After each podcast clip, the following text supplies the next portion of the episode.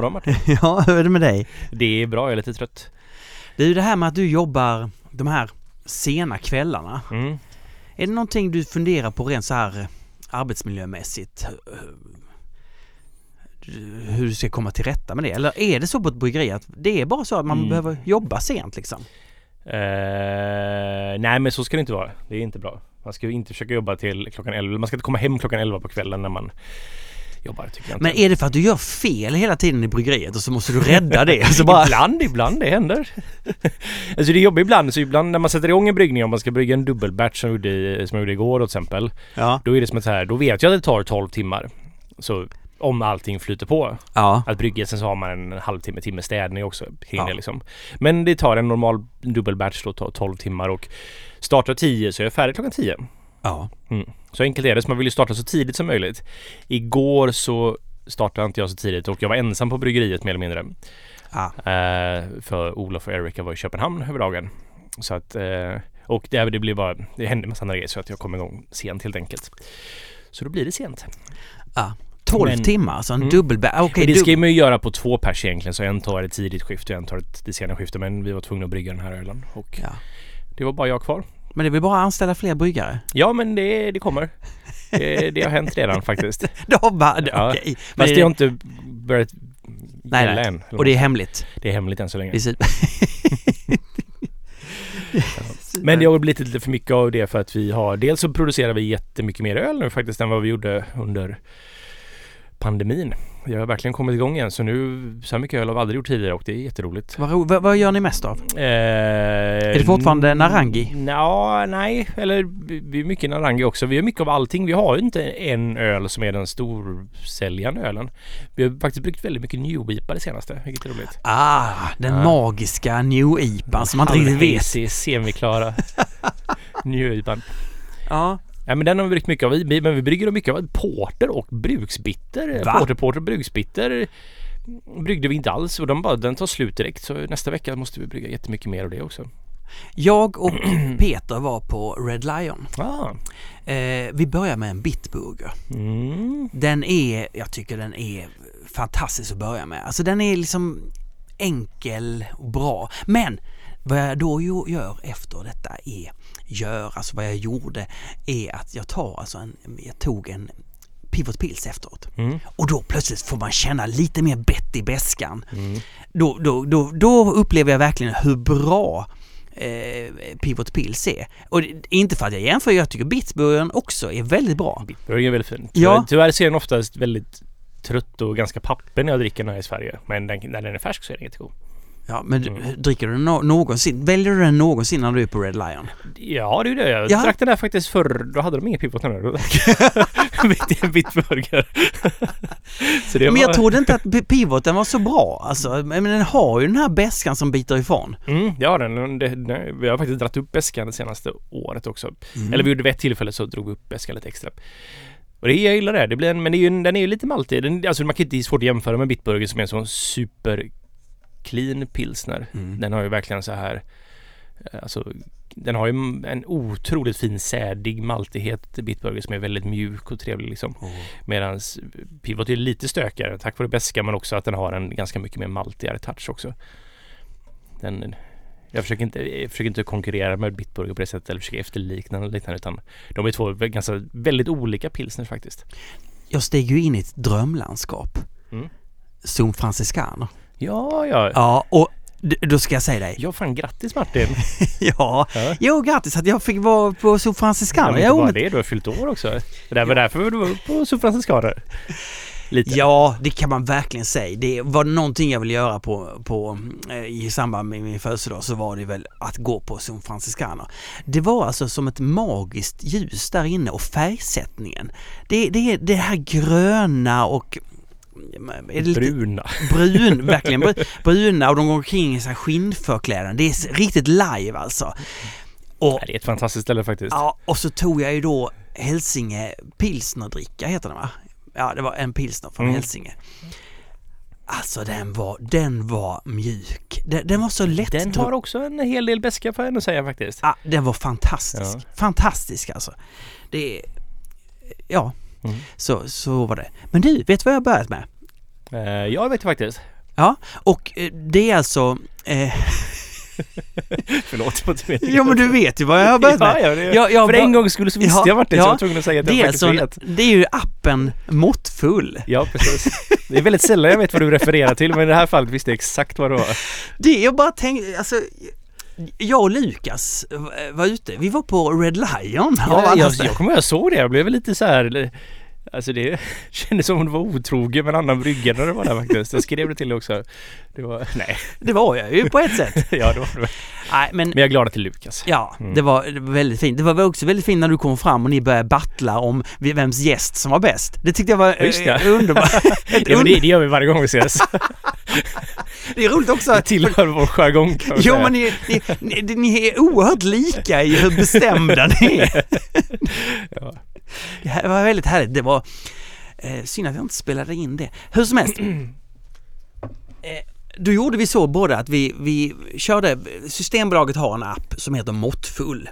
Tidigare hette den Promillekollen. ja, det är Som- samma app. Ja, Ah, men, okej. ty, och de, men de har gjort om den så att den nu är inriktad på eh, att, att alkohol är ju ganska gött. Mm.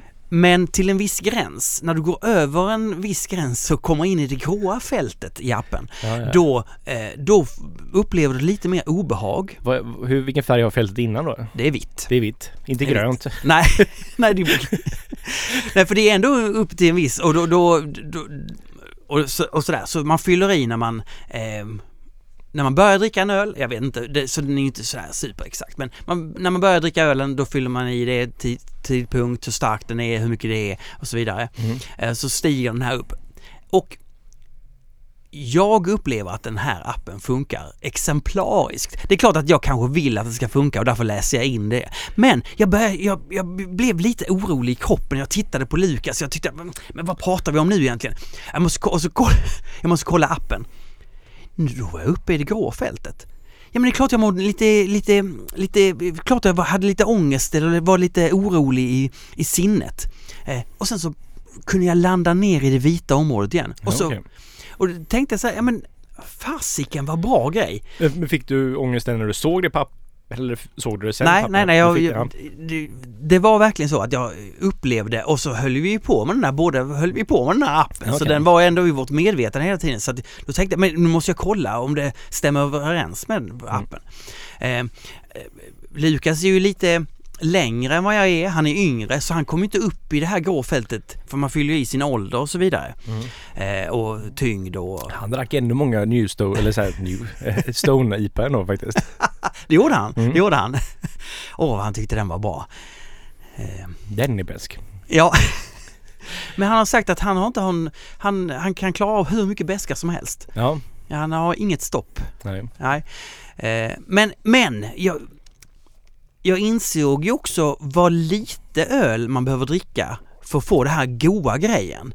Men det, att det är väldigt lite öl. Alltså, eh, man kan säga att det är fyra standardglas. Ett standardglas är 33 centiliter 4,5 i öl. Så det är en 33, en 4,5. Mm. Eh, Du kan ta fyra sådana på en kväll och sen, sen är det stopp. Sen blir det grå, grått fält. Ja, men det, det kan man nog säga. Det beror ju lite på tidsrymden också. Men det är det som är så gött med alkohol också. Att så här, eller för att det här, det krävs ju så lite egentligen. En öl och man mår ganska mycket bättre. Ja, ja. Ja. Och det är ju så direktverkande. Ja, men det är abs- absolut. Ja. Men det, jag tycker det var, så, det var ett sånt fint och eh, instrumentellt sätt. Det. Och jag tyckte, ja för mig tog det inte bort charmen med kvällen. Nej, nej, nej. Men det är alltså i och med att det är så många andra som... Det är så här, Untapped finns till exempel. Då tickar man ju öl och sitter folk och bara så här lägger in allting de dricker. Borde, Systembolaget borde kunna antingen köpa data då från Untapped så du kan liksom kombinera, du kan gamification lite grann liksom att du kombinerar det hela och så kan desto mer du lägger in i Untapped och de säger ja men nu är du här och de kan ge dig varningar och sådär. Ja, Ja. det är, en, det är en produktutveckling. Jag är inte helt hundra på att de är intresserade av just den delen. Nej, jag bara säger att det... Nej men om någon annan vill göra det Ja. så kan man ju konkurrera med Systembolaget här.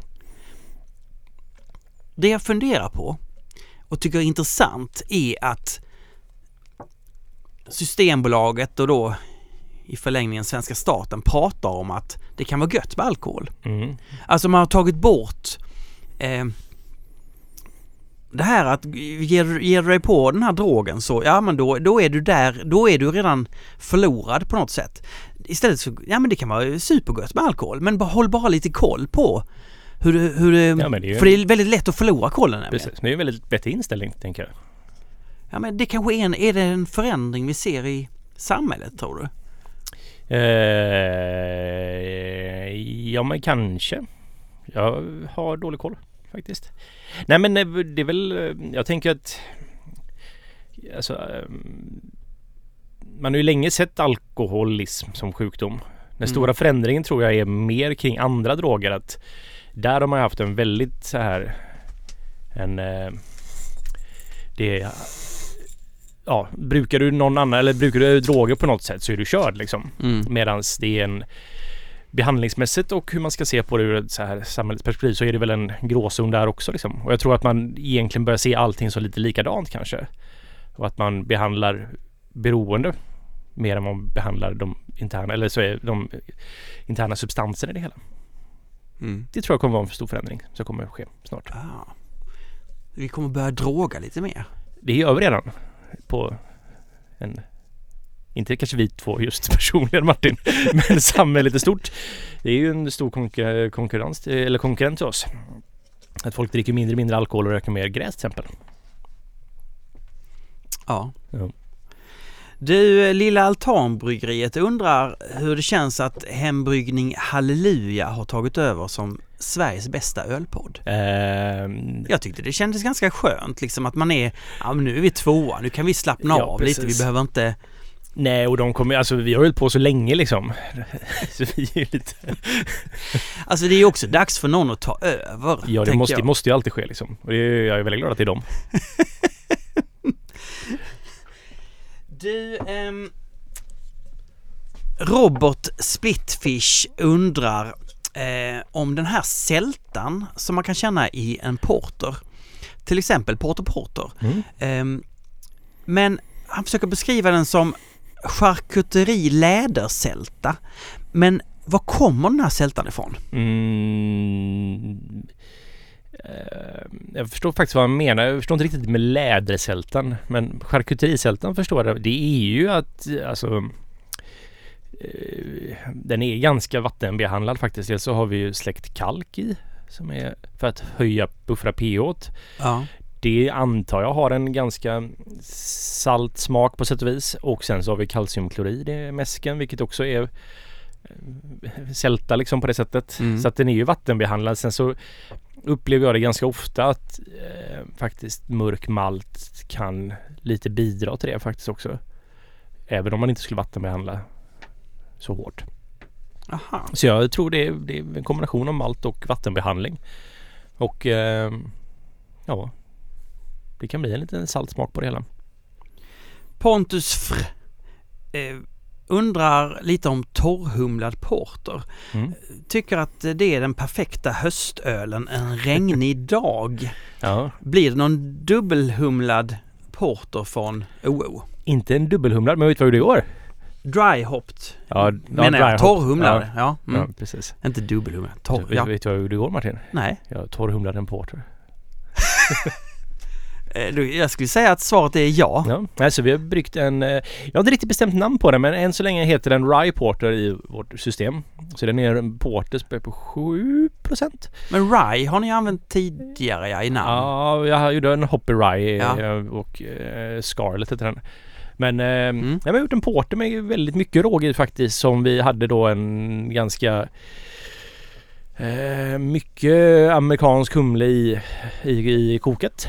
Och jag tyckte det blev så jävla gött med den amerikanska humlen för den blev så här, det är liksom en porter på 7% så den är rund och söt och rågen gör ju en väldigt fin munkänsla och en så här så det var ju, det, dels var det råg, vanlig rågmalt men sen så var det en Red Rye Crystal från Simpsons som är en jättegod karam, kristall, eller karamelliserad eller alltså en eh, Crystal Malt då från, gjord på råg från Simpsons som är jättefin smak så här. Ja, verkligen smakar godis nästan faktiskt när man äter kornen. Och sen så ehm, hade vi också eh, chokladrågmalt. Alltså eh, rostad råg också. Chokladrågmalt. Ja, alltså det är chokladmalt fast då fast med, gjort på råg helt enkelt. Alltså mörk rostad malt Mm. helt enkelt. Men det blir jättegott och så att i, ja, Erika snackade om det i förrgår att så här, fan ska man inte torrhumla den också så får lite extra kick av liksom den amerikanska humlen. Så igår hade vi lite Centennial och Chinook i den. Oj. tror det kommer bli jättegott. Inte mycket men bara så här lite lagom. Det kommer inte bli en India Porter på det sättet eller en Black IPA nivå av humle men det kommer vara liksom en, en trevlig ton av det. Ah. Mm. Robin Inda Food 2 frågar. I förra avsnittet snackade de om Quake och tog även upp att man förr gjorde gårdsöl även här i Sverige. Om vi leker med tanken att man skulle hitta en gammal flaska och lyckas återuppliva en gammal svensk gäststam och ni får i uppdrag att göra en svensk Farmhouse Ale. Hur hade ni då velat att den såg ut? Hade ni gjort er tolkning av hur den såg ut förr eller försökt göra något nytt? Hade ni kryddat med några traditionella svenska örter och växter? Till exempel Olle? Jag hade nog inte gjort det personligen. Jag Vilket? hade eh, kryddat med någonting. Nej, Inte ingen som krydda. en första öl åtminstone men jag hade ju Jag hade nog köpt vad, alltså eh, svensk malt. Mm. Eh, kanske kört någon rökig malt faktiskt för det nog, kan kanske varit gott. Men jag vet inte, men jag hade nog velat testa hur gästen är så att jag hade nog gjort en väldigt simpel öl. Alltså kanske bara liksom svensk mältad ja, med någon sån här balder kanske eller liknande eller så här något svenskt kornslag. Och ehm, ja, bara kört det helt enkelt och med en lätt humlegiven smashöl helt enkelt. För att se hur gästen blev. Upptäcka den först och sen addera det som... Ja, och sen som man Mm. tycker det var gott så kan man ju göra vad man, vad man tycker att gästen passar. Men jag hade nog bara gjort en väldigt enkel för att se hur gästen beter sig och jag tänker att det är lite det som också hade varit traditionellt, att man bara gör det så enkelt som möjligt. Sen så kan man ju krydda med en och det finns massa sådana saker man kan använda i processen för att göra det mer traditionellt. Men jag har nog bara börjat så enkelt som möjligt. Kent Eriksson Pripp undrar. Vad är det som gör att vissa stouts luktar och smakar soja? Kanske en felsmak, men jag älskar det. Ja, fan är det här? Det här var så länge sedan jag läste. Det är ju väl någon form av nedbrytning av... Det är ju de mörka malterna som gör det men jag tror det är någon form av att när de organiskt material bryts ner på det sättet så blir det... Alltså soja är ju fermenterad eh, sojabönor och öl är ju fermenterat också. Så att det finns väl... Jag har läst det här någon gång och det är nog lättare att googla egentligen.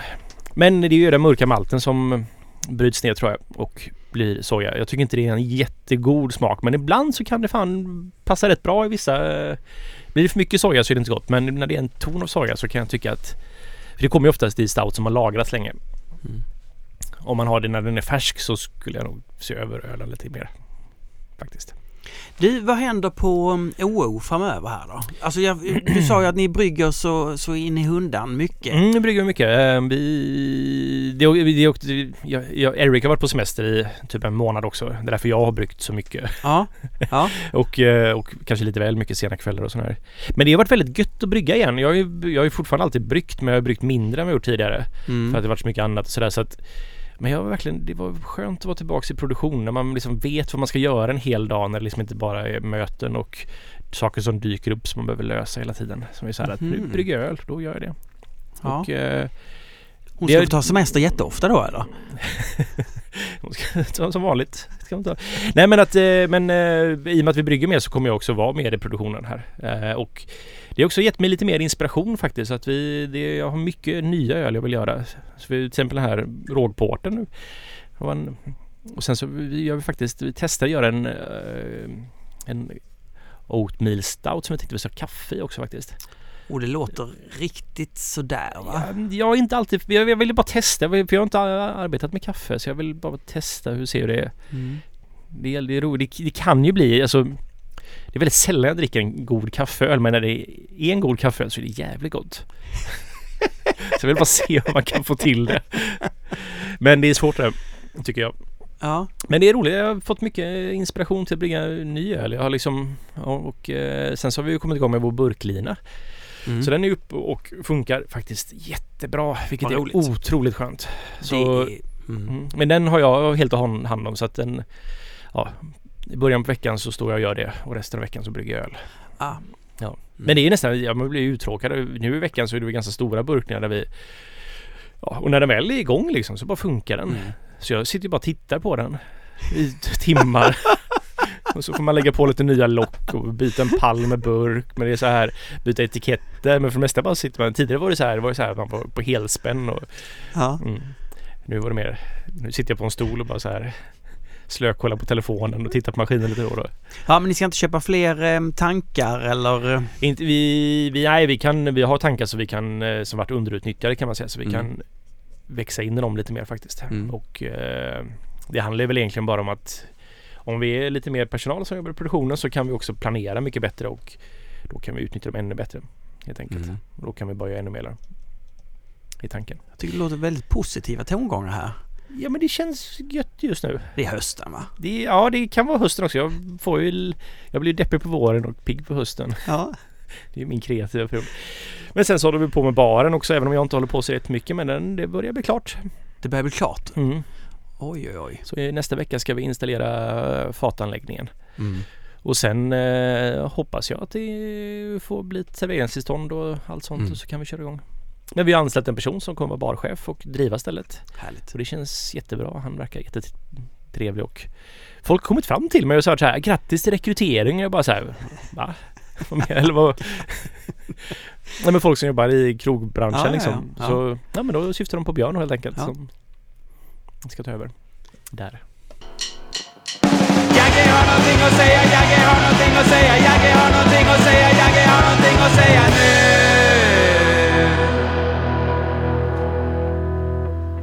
Jagge har någonting att säga är tyvärr idag inställt på grund av utebliven inspiration och livsglädje.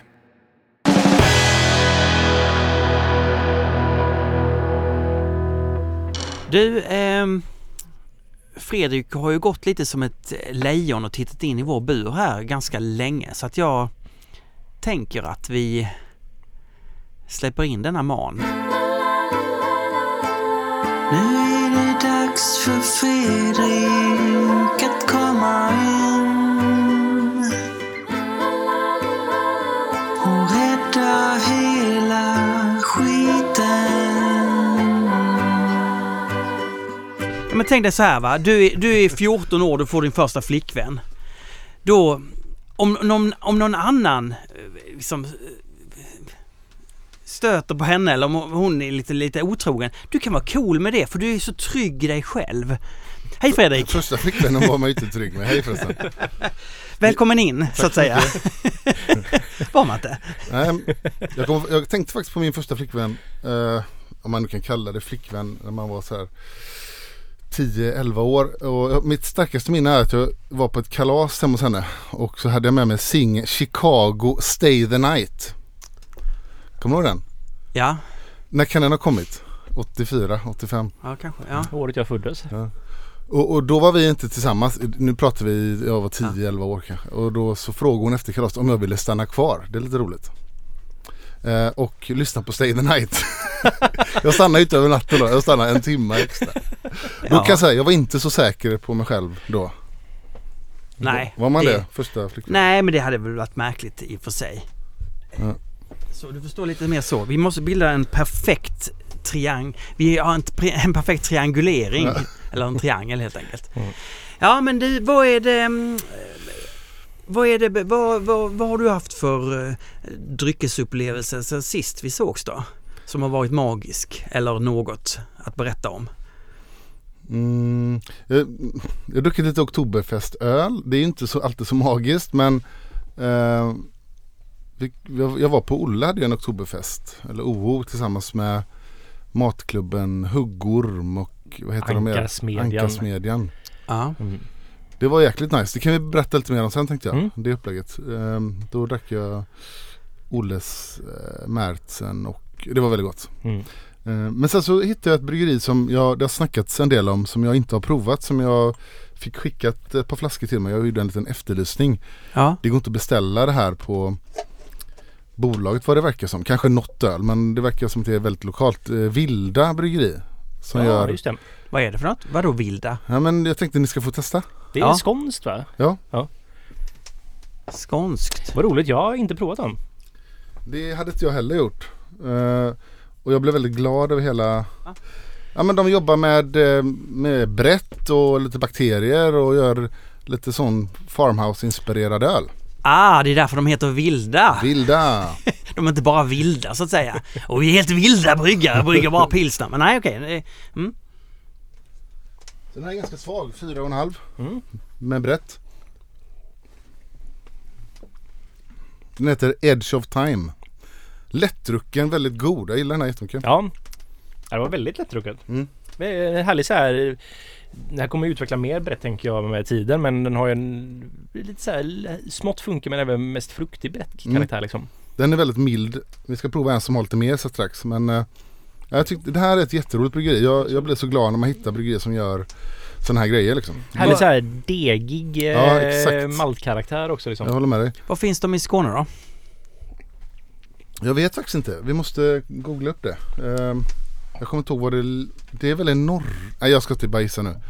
Ehm, men det är ett spännande, spännande bryggeri. De har ganska spännande filosofi och Det är så- gör... Jag har så svårt att tänka, alltså det finns en norra delen av Skåne för det. det borde bara finnas en södra delen av Skåne på Ja. Båstad. Var det Båstad? Okej. Det är ju ganska norr. Ja, Det är väl precis på gränsen va? Ja, Det är väl... Ja gränsen går väl där? det gör tänker den. jag. Det gör den. Mm. Verkligen. Ja men de verkar väldigt så här eh, engagerade i det de gör och brinner för den här ganska smala grejen. Sånt är alltid kul. Och Pray for Rust lite starkare, 6%. Det här luktar som att den borde vara lite syrligare nästan också. Ja, det är den. Det var ju gott. Mm. Väldigt uppfriskande. Jag kan tänka mig att det, kan, det här kan ju vara ett sätt att göra. Den här typen av öl är ändå ganska smalt. Det köps och dricks inte så mycket sånt här i Sverige. Men om man kan göra det så pass friskt och lätt liksom. Så, Ja. så kan det bli ganska sessionable. Är det här din nya grej? Att du efterlyser lite öl som du... Och så som får att du det kan till. få tag på. Men precis. Det känns som han har hållit på med det ganska länge faktiskt. Kommer du ihåg den här? Vad var det du bytte nu igen med någon i USA? Ja men det var ju... Fermenterad fisk var det. Ja, surströmming skickade till ja. henne. Hon, hon sparade på et, etniska matupplevelser. 90-talet. Och jag ville ha testa amerikansk barley wine. Jag fick eh, Old Cresta Sheehan från Rogue.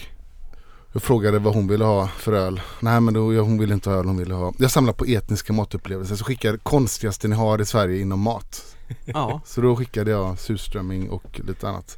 L- torkad lutfisk och sånt. Mm. Oj. Du, nu, nu när hösten kommer känner du att depressionen slår dina, sina klor i dig? Ja, fakt- lite faktiskt. Ja, hur, vad gör du åt det då? Dricker du mer öl eller Nej, jag börjar inte- du jag- träna eller? Eh, jag har börjat träna men jag, jag vet inte. Nej jag dricker inte så mycket öl heller. Jag, Är det paddel eller är det... jag skulle, om jag spelar padel skulle jag aldrig erkänna det öppet. Okej. Eh, nej men det har, det har varit lite jobbigt tycker jag sista tiden. Eh, Ja. Både fysiskt och sådär. Och psykiskt. Eller ja, nej, jag gillar inte hösten och gillar inte. Det har varit lite Livet Martin, du vet livet.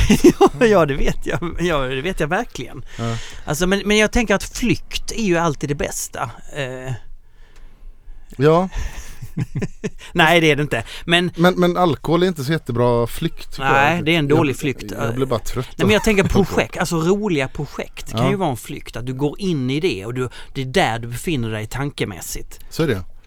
Eh, Och lite sånt eh, eh, finns det ju absolut som jag tycker är kul. Och Jag blir ju lätt sånt om jag hittar något projekt så kan jag göra det hellre än kanske sånt som borde göras. Är de projekten alltid ölrelaterade? Eh, ofta är de det men inte alltid. Nej. Jag gillar ju liksom bygga grejer och sådär också. Så att, eh, Va? snickra bord och sånt. Va? Mm. Skojar du? Nej. Nej. Jag har byggt alla bord som, eh, som finns hemma. Mhm. Alltså fint snickeri. Ja men jag är på stor gata. Men jag, jag, Jag hade inte- ingen aning om det här. Nej men jag har inte, jag, senast sista bordet jag byggde var Det var fem år sedan så jag har gjort det ganska mycket. Jag har byggt kanske en tio bord och sen har jag inte gjort det på länge nu. Men så har jag ett litet projekt på gång nu där jag känner att jag behöver Har du någon specifik stil när du bygger bord eller? Ja, jag har beställt eh, kalksten från Gotland så det är ganska många stenbord. Så, Ah. så beställer jag skivan och så bygger jag underredet i typ björk och sådär. Okej. Fint. Aha. Mm. Björk, som är så fint. Ja. du ser skeptisk ut Martin. Nej, jag bör, bör, jag bör, alltså så här är det ju, man har ju en bild av en person Mm. ofta. Så plötsligt får man en helt ny pusselbit att lägga till. Jag måste ju omformatera hjärnan på något sätt eller de- defragmentera innehållet i hjärnan Ja. här och lägga till den här biten. Jag gick ju nämligen en, en sån eh, snickar, finsnickeri möbelkurs för, ja det var säkert 15 år sedan. Mhm. På typ Folkuniversitetet. Eh, Var det som en hobby bara eller tänkte du att det här eventuellt är en karriärsbana för mig? Nej men mer hobby för att jag, jag, jag ville göra, göra någonting med händerna för jag hade så väldigt eh, teoretiskt jobb. Ja. Och så kommer jag också väl för att jag kom till den här, det här är ganska dumt. Jag hade varit i Stockholm på ett möte. På den tiden hade jag kostym när jag var på möten med kunder. Eh, och så kom jag till den här kursen och första tillfället så skulle man eh, visa vad, vad man skulle bygga, liksom, vad man ville göra. Så kom jag dit så var det mest så här gamla tanter som skulle göra mycket så här piedestaler för blommor, vad heter det? Så här, ja, just det. Ja. Jag vet inte vad det heter.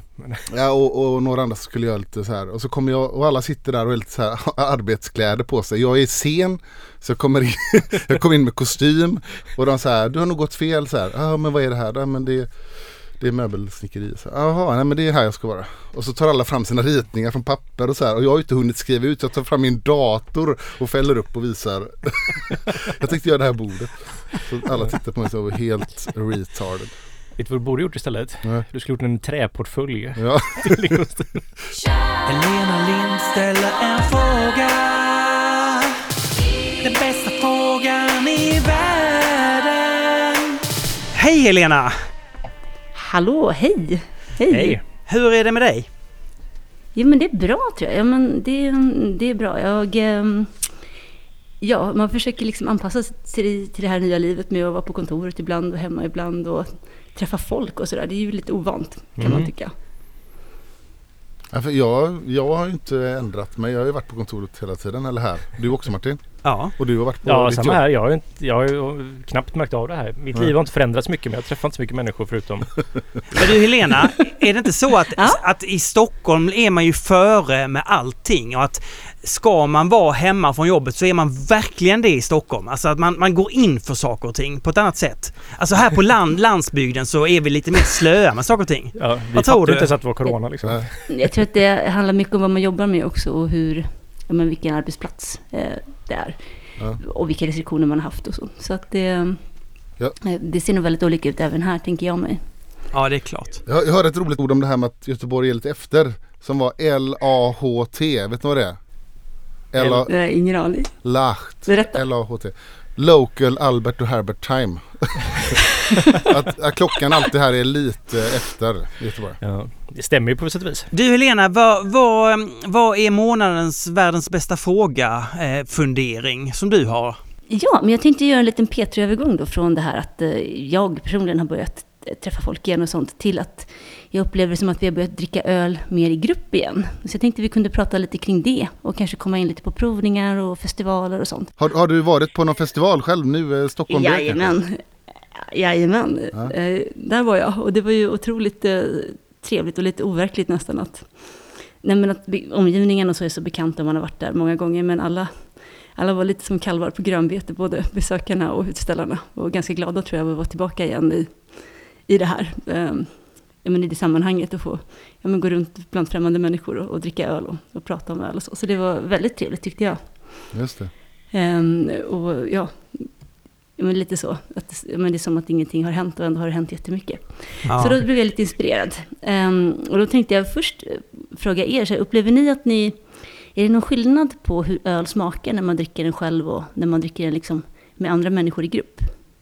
Ja, absolut tycker jag. Mm. Jag tycker man påverkas jättemycket av sammanhanget och är man med människor så kanske man har det väldigt trevligt och då blir ju ölen också godare. Mm. Vad säger du Olle? Ja, det, är- det finns väl lite olika sam... Eller så här om man dricker bara med vänner utan att riktigt Mm, reflektera över vad det är för utan om man inte dricker med ölnördar helt enkelt utan man pratar om andra saker än öl. Så kanske jag tänker mindre på öl men att då har ölen ett annat syfte liksom att det är ju bara gott egentligen att dricka öl. Och att det passar i sammanhanget och att man har trevligt och sådär medan dricker jag öl med Fredrik till exempel eller med andra ölintresserade personer så är det ju väldigt enkelt att Alltså man får en bredare input av ölen för att man hör vad andra tycker och tänker och kan man upptäcka egna smaker och jag kan tycka att det är otroligt givande faktiskt att dricka öl tillsammans med andra. Jag hör ju Mm. många bryggare som, eh, på Stigberget som snackar om att vad skönt det är att inte prata om ölen. Alltså göra tvärtom alltså. Att gå ut och bara dricka Pripps Blå, inget annat. Det är bara det som gäller. Och bara åh, häva i sig detta och bara slippa diskutera vad det är för eh, Mm. maltrostning och så vidare. Men det kan jag, jag kan ju tycka att det är jävligt tråkigt att dricka öl med andra bryggare ibland.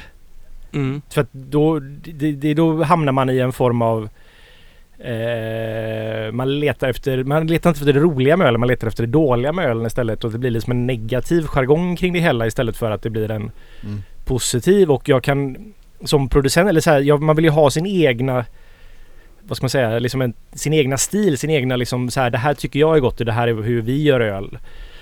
Men och lyssnar man för mycket på vad andra tycker så kommer ju allting smaka exakt likadant. Så det är ju en Mm. balansgång där. Och jag, det är ju roligare att dricka med folk som bara har ett intresse mer än folk som kanske är producentnördiga ur det hela. Ja. För att ibland så blir det Ja. lite för att man, man går mot mitten på något sätt. Man det här ska vara den absolut renaste smaken. Det blir nästan lite själlöst om man skulle gå på det sättet. Eller att dricka med domare från SPHF.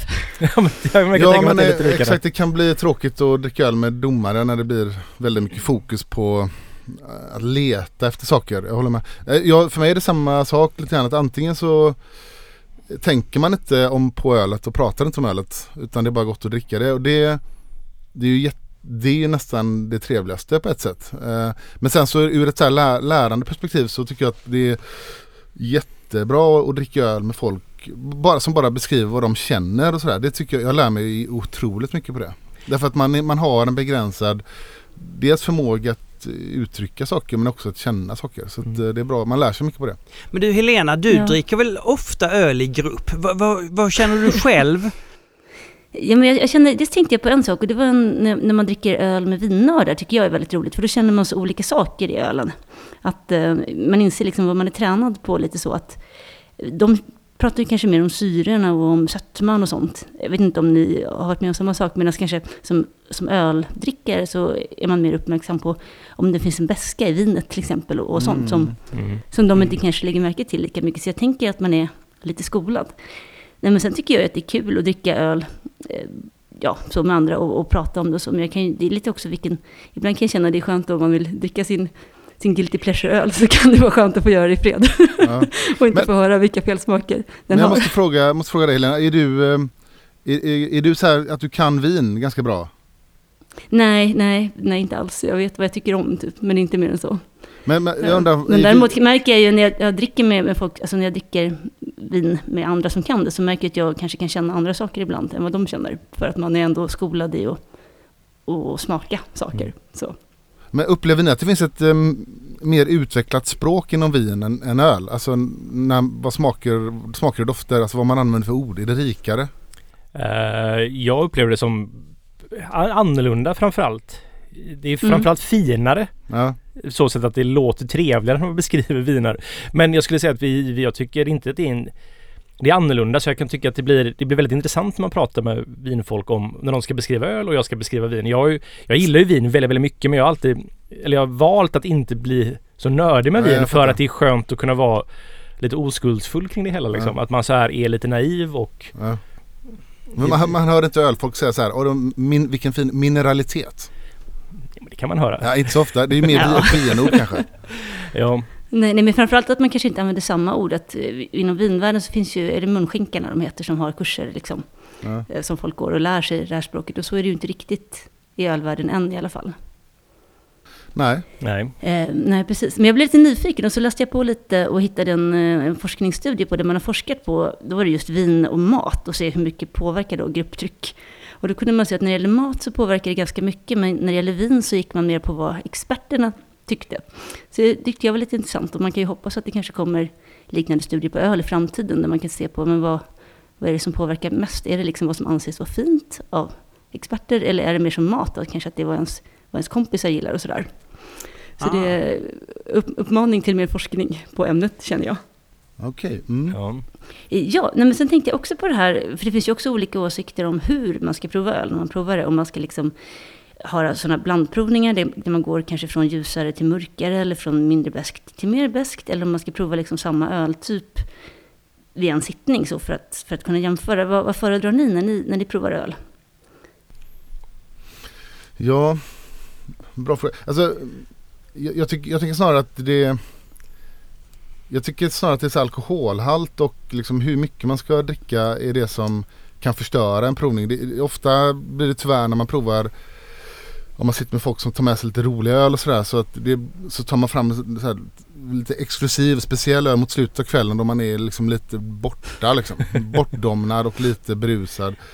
Så det finns en naturlig övergång att, att börja lite, tycker jag, ganska självklart så här lite lugnare i, i smakprofil och styrka och gå uppåt sådär.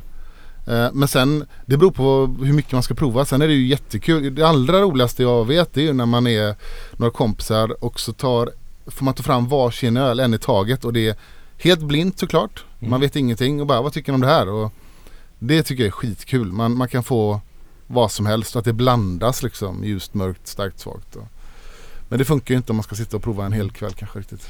Jag tycker ju att så här, jag, jag har inte ett jätteproblem att byta mellan olika ölstilar faktiskt. Jag känner inte att det är så här, visst beska kan göra en mindre känslig för beskan i andra öl och sådär. Om man dricker en jättebesk IPA och sen dricker någonting som inte är så besk så är det svårt att uppskatta den fina beskan den ölen som inte är så besk efteråt. Men jag har alltid så här att jag till exempel om man dricker sur öl så gillar jag att ha en pilsner. Samma sak om jag dricker humlig öl så kan jag tycka att jag känner mer smaken av pilsner om jag har en humlig öl bredvid. Okej, Att man kontrasterar lite. kontrasterar liksom att Mm. man då Alltså Om jag ska prova pilsner så gillar jag att ha en IPA bredvid. För Mm. då kan jag liksom lukta på IPAn och sen luktar jag på pilsnen och då kan jag säga åh shit vilken gästig ton det är. Nu känner jag liksom lagergästen på ett annat sätt och sådär. Att man tydliggör. det. Jag tydliggör liksom skillnaden mellan det. Det Mm. kan jag tycka är väldigt skönt när man provar öl faktiskt. Mm. Ja, Så jag, när vi gör det på jobbet fall så brukar jag ofta faktiskt ha Pivot Pills som en, om vi ska prova och se om torrhumlingen är rätt på massa olika öl så har jag faktiskt Pivot Pills som jag luktar på mellan. Ja, som en liten nollställare också. Ja precis, som jag luktar på huden nästan. Mm, Liksom. referensöl, ja. Ja. Spännande. Ja. Eller det är för jag känner också att, så här, att det blir skillnad. För att om jag luktar på en öl, en Pale Ale och sen luktar på en IPA så kanske Pale Ale luktade jättemycket för det var första lukten och sen så kommer man till IPAn och så det här var ingen större skillnad liksom. Så här, Nej, men om jag har någon form av mellanöl jag kan lukta på där så faktiskt så Mm. hjälper det. Men sen tycker jag att det kan vara kul att prova en, ja, men en stil också för att just känna skillnaderna. För annars kan det ju bli lätt att man, um, om just man dricker sig pilsner eller, eller IPA, då kan det vara roligt just för att, känna, för att lära sig, som du var inne på Fredrik, att lära sig vad, vad är det för smaker jag känner. Eh, För det kan, som du sa med kontraster, att det kan bli tydligare om man ställer dem mot varandra. Eh, Ja, e- exakt. Så, så jag håller ju med i båda för att kontraster kan ju även komma fram när man provar fyra väldigt likartade öl mot varann. Och, och så måste jag nästan göra om jag ska så här, vad, vad gillar jag bäst inom ett öl? Så har jag ganska dåligt så här, smak och doftminne. Så här. Jag kan inte dricka en, en pilsner en vecka och sen fyra veckor senare dricka en annan pilsner och säga vilken som är bäst. Det, det har jag lite svårt för. Om jag inte har druckit det många gånger. Eh, då är det kul att, att, att parallella dem liksom. För då, då kommer man också fram skillnad, de skillnader som finns. Liksom. Mm. Men jag tycker det finns ju också en uppfattning som, ja det kanske är jag, bara jag som har den hela världen. Men att, att en öl bara smakar på ett sätt. Men det blir ju mer och mer uppenbart att tillfället är så extremt avgörande. Jag Ja. kan bli förvånad. Men den här ölen som jag gillade, nu är den inte god längre. Vad, vad, vad hände? Och där, där, där kan jag också tänka att när man dricker flera öl efter varandra, att det är också ett speciellt tillfälle. Man är inställd på att Kanske som när vi drack de här, den här vedervärdiga vittbiren. Alltså vilken stil. eh, Alltså då, då, då, då, då var man ju ganska inställd på att just hitta felsmaker och så vidare. Eller det framträdde väldigt tydligt Ja. när det var något som inte var bra. Ja. Ja, Mm. ja. Så tänker jag. Är Mm. det då jag ska säga att min guilty pleasure är Hogarden? Ja, det var. Det är faktiskt väldigt gott med Hogarden tycker jag också. ja, men det är ju det, eller hur? Ja, det är gott. Nej, men sen tänker jag också om vi går tillbaka till det här med ölmässor. För där blir det ju verkligen det här att man går från ett ställe till ett annat och så dricker man något helt, helt olika öl. Ehm, och då tänker jag, har ni någon, något tips för om man, om man tänker att man ska gå till en ö, ölmässa och få ut det mesta av, av upplevelsen. Hur, hur ska man tänka liksom? Vad ska man börja med? Och, eh, ska man dricka allt från samma bryggeri på en gång? Eller ska man börja kanske med pilsner och gå runt? Eller hur, hur skulle ni göra om man skulle ha den bästa upplevelsen på en, på en ölmässa? Svårt. Jag har ju varit för mycket på ölfestivaler och ölmässor än vad någon person rimligtvis borde vara på under hela sin livstid liksom. Eh, så eh, min, jag vet inte, jag kan inte riktigt, men eh, det som jag oftast fokuserar på när jag är på en festival, om jag är där som utställare eller som gäst, oftast är jag där som utställare, men att det är ju att hitta nya bryggerier som jag inte hittat tidigare. Faktiskt. Och jag tänker inte så mycket på vad jag... Jag- utan det är mer att så här att jag testar runt för att se ja, om det finns någon som sticker ut som jag Ja, inte känner till sen tidigare oftast. Precis. Och jag gillar ju alltså jag, de ölmässor jag har fått ut mest av det är ju när man går och pratar med personen som har bryggt ölen. Det tycker jag är så otroligt givande för då kan man bara fråga vad, vad är det här och hur tänkte du kring det här ölet och hur har du gjort det? Då, då lär man sig också supermycket. Det, det tycker jag är nästan roligast att prata med bryggare och, och det kan jag känna lite grann, ni vet de här nischade ölmässorna när man förväntar sig att bryggerier ska vara där så upplever jag det kanske, mm, jag vet inte om det är en utveckling med att det är så mycket festivaler så bryggare åker inte runt på allt längre. Så att man tar in, eh, inget fel i det, jag förstår att man gör det, man tar in extra personal som står och serverar ölen. Eller någon som inte har någon koppling till bryggeriet alls.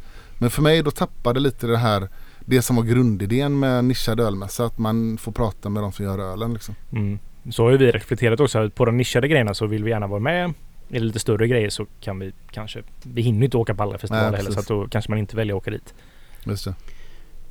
Men det, det man önskar på en ölmässa är ju väldigt små eh, så att säga portioner. Eller små glas egentligen och det vet jag inte riktigt om man får. Man får väl lite för mycket alltid. Beror inte det på typ av mässa då? Eller är det inte, ju mer nischad festival desto mindre glas? Är det inte så? Ja, kanske det. En av de mest nischade festivalerna jag varit på är ju Frankenfest som är i Rom. Ja, Där fick man ju halvglas. Ja, där var det stora ja. Okej. Där var det stora. ja. Jag vill gå på den. Ja. Eh, inte av den anledningen men bara generellt. Eh, nej men jag, jag vet inte, jag tycker också att det är, det, det är ju då det blir lite konstigt när man går på nischfestival och får småglas. Eh, det, är, ju- det är ju intressant och kul men det är så Jag tycker det är svårt att uppleva ölet av att dricka två centiliter av det. Och, Men fyra centiliter då? Fem? Jo, fast- Fem? har ni tänkt på det att när, det, när du får, vad är det i de här liksom, hur mycket får man? Fyra, fem centiliter i de allra nischade? Ja, det är något sånt ja. Ja. Mm. När man går runt och provar lite mer så här experimentell öl så känner jag ganska ofta att, att man inte ens vill dricka upp de här fem centiliterna. Då, då är det något som är lite snett tycker jag. Mm. Nej, men också när man dricker just, ja, men, säg kanske en väldigt mörk eh, porter eller så, eller stout. Att det känns som att dricka en likör. Det känns som att man har tagit en sån eftermiddagen-likör. Och inte som att man dricker en öl. Och då gäller det också liksom att, Mm. ja, men som du sa, sätta det i rätt kontext. Vad, vad är det jag dricker och vad är det jag smakar efter? Och, och Ja. skulle jag vilja dricka ett helt glas av det här? Eller är det bara gott i den här formen? Det är ju också okej, kanske. Ja. Det är Ja, sant. att dricka så. Ja. Ja, men jag tänkte fråga Olle, hur, hur tänker ni när ni eh, väljer ut öl till en festival? Vad är, vad är tanken där? Eh, vi, och, eh, de flesta sådana här ölfestivaler har ju ofta, det är ju Mikkele Beer Celebration konceptet då att man har pass och så har man två öl eh, på varje session då. Det har ju blivit en väldigt vanlig setup på eller mässor. Och då, där tänker vi ju att man har en specialöl kanske då eller någonting som har ganska mycket en dubbel-IPA, en Imperial Stout eller en liknande, en Barley Wine. Och så har vi en eh, typ lättöl, pilsner och liknande som man har två kontrasterande. Och det har ju varit Det var ju vi Det var ju lite Vi var ju lite tio eller så här vi började med det ganska för länge eller alltid tänkt så lite grann för att vi tycker det själva är Vi provar ju våra egna öl när vi är på festivaler och det kan ju vara skönt att man har Någonting som är lite lättare. Så att Vi hade ju med oss På Mikkel Beer hade vi med Pivot Pils och äkta pils. Och jag tror det året så var det vi var ju kanske ett av två bryggerier som hade med sig pilsner överhuvudtaget eller lageröl. Mm. Det var ju ett tag när många festivaler var bara Alltså Det kom ju då den här liksom trenden att ha extrema ölfestivaler. Att alla skulle ta med sig sina extremaste öl. Så det blev någon form av standard kring det. Mm. Och det blev ju liksom normalfestivalen blev ju bara extrem öl och det var ju lite tråkigt. Så då hade vi med oss pilsner och sådär och det var jätteuppskattat på den Micke. Framförallt bland bryggare om man ska vara helt ärlig. Ja, ja, ja. Men även många gäster som kom fram och var så här, ja vad roligt att ni är här. Och nu är det vanligare att och jag har ju alltid efterlyst festivaler som där man istället för att ha de här passen utan att bara så här att kan vi inte få välja ut så att vi har sex öl en dag och sex öl den andra dagen? Att man kan få visa sin bredd istället för att visa upp det extrema man gör. För jag tycker att det blir en lite ohälsosam ölkultur kring det hela också. Vad som faktiskt... men Det byggs mycket öl. Det går in i den här hype-grejen att man bara brygger för att kunna visa upp sig på de här festivalerna liksom. Mm. Och då blir det som att fokuset blir fel på vad faktiskt folk gillar att dricka liksom. Det blir som en liten bubbla i det hela. Men vi har alltid tänkt att vi ska ha en lite, ja, lite extremare öl och en enklare öl tillsammans. Och eh, vi, man lägger upp det som att man ja, försöker kanske att ha, om man vi kanske har en Pale Ale första passet och en dubbel-IPA eller Imperial Stout och så har man andra passet som kanske är lite senare. Då har vi ju alltid med en pilsner för att det är lite godare att dricka en pilsner när man har provat igenom extremt många andra öl så kan man gå tillbaka till att ja, faktiskt dricka en pilsner. Typ så tänker vi. Ja, och så tänkte jag om du kan berätta något, hur, hur är det att jobba på en ölfestival som arbetsmiljö och sådär? För det har ju pratats en hel del om, om sånt. Ja, Så hur, hur känns det liksom? eh, det är fruktansvärt på många sätt och vis. Eh, också jätteroligt. Eh, det är svårt för mig att prata om upplevelser för andra personer men alltså det är ju en väldigt speciell miljö och eh, jag har ju tänkt rätt mycket på det senaste av många olika anledningar men att det är ju att som man på ölfestival så har man oftast inga problem men i och med att det är alkohol på ölfestivaler så jag har tänkt tillbaka på många situationer här som är att man har Jag har kanske lite lätt så här när personer har varit lite otrevliga och liknande mot ja men faktiskt folk på vårt bryggeri eller på andra bryggerier så har man så här, ja men de är bara fulla liksom. Det är inte det är ölfestival liksom att man låter vara men man eh, det finns rätt mycket sånt som man borde ta tag i egentligen och som jag hoppas man kommer ta tag i lite bättre efter det här. Att eh, dåligt beteende är inte okej någonsin faktiskt. För det är ju, men det är ju en del av aspekten av ölfestivaler som Sen så är det ju en väldigt tuff miljö. Man står länge och serverar öl och eh, det är otroligt tröttsamt att prata, eller för mig i alla fall är det otroligt tröttsamt. Och det är jätteroligt att Fredrik kommer fram och frågar hur man har gjort den här ölen vad man har för vision med saker och bla bla bla. Men efter Bla bla bla. Ja, exakt så det låter.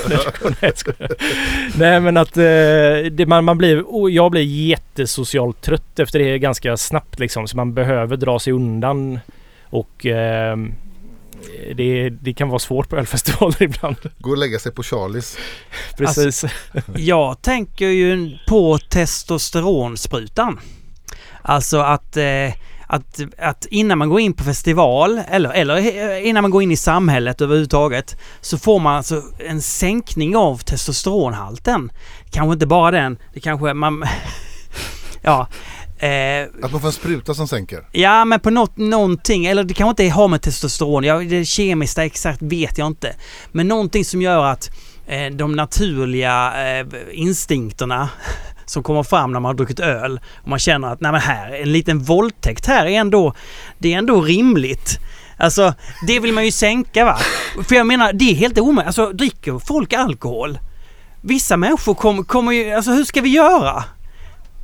Vi är massor med människor på, på ett ställe. Vi kan inte förvänta oss att människor uppför sig. Vi vill det, men, men hur ska vi göra det? Det är min fråga. Helena, hur ska vi göra? Ja, nej, men jag kan väl känna själv att i USA till exempel har det varit väldigt på tapeten nu att ha sådana här code of conduct. Både liksom i allbranschen och i IT-branschen och spelbranschen och en massa.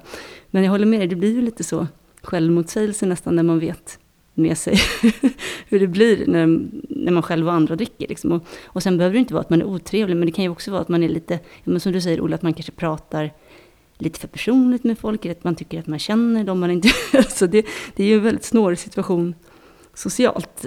Och jag förstår att det måste vara väldigt jobbigt att vara på andra sidan och kanske till och med vara nykter och stå där och så kommer det folk och bedyrar sin kärlek och vill, eh, vill ha personliga eh, samtal och så Mm. vill man egentligen kanske få servera sin öl och gå hem. Så att jag eh, Ja men det är, väl, det är ju bra att man pratar om det. Men sen när det gäller att vara kvinna eller tjej på ölfestival så Ja, det, det är ju inte kul när folk frågar vems flickvän man är, liksom, utan det handlar ju också om att bli sedd som en, en person. Att man inte nödvändigtvis kanske vill vara kvinna utan att man vill vara en ölnörd bland andra. Och det blir Ja, precis. dessvärre bättre när man blir äldre för då är det inte samma, samma syn på en. Men, men eh, just det tänker jag något att ta med sig, att, att se de, de kvinnor som är där som, som kanske vilken besökare som helst och inte, inte ens säga åh vad kul att det är en tjej här utan fråga vad de, vad de gillar för öl istället. Så, Ja. Men, men jag tänkte på det, hur har du upplevt att det har förändrats eh,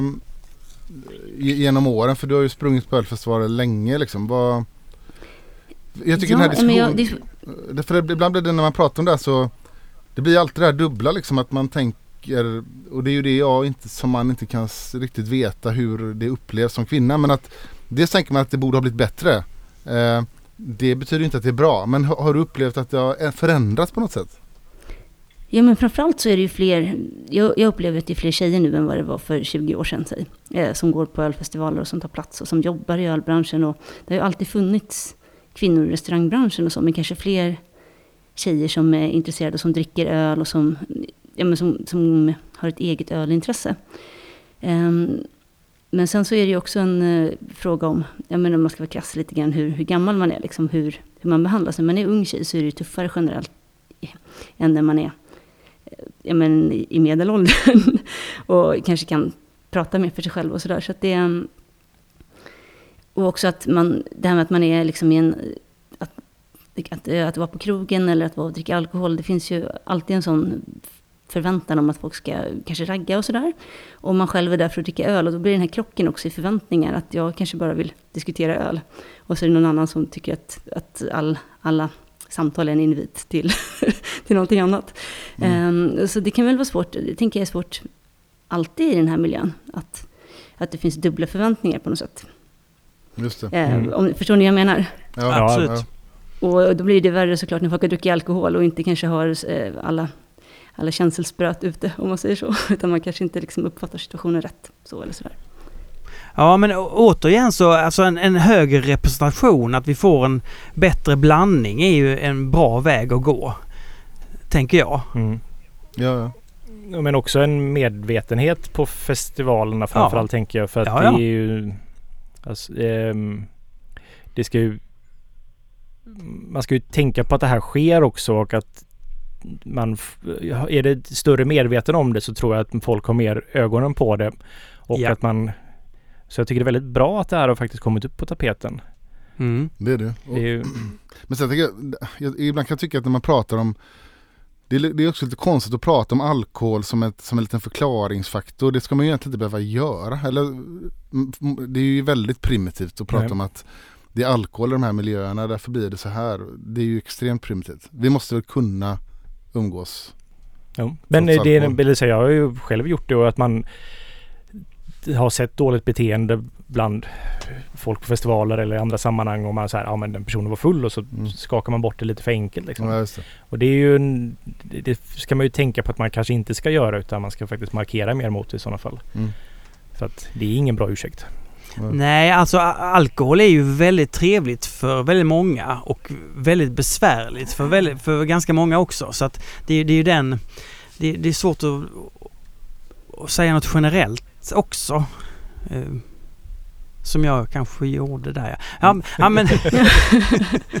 Ja. Nej, men det är ju svårt. Alltså, och man vill inte vara den som är tråkig heller. Så att det är ju, ja, men det finns ju många faktorer.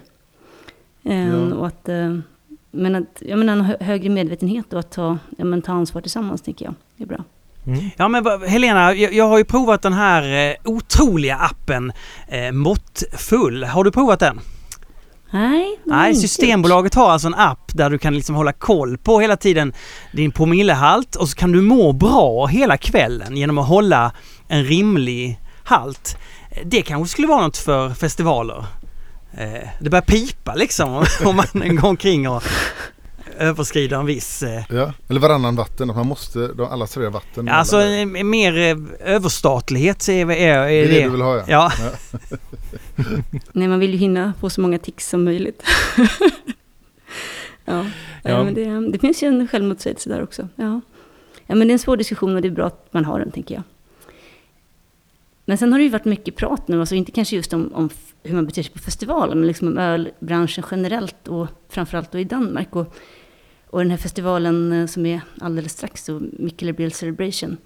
Och där, Olle, har ni ju valt att inte åka. Vill du, vill du berätta något om det?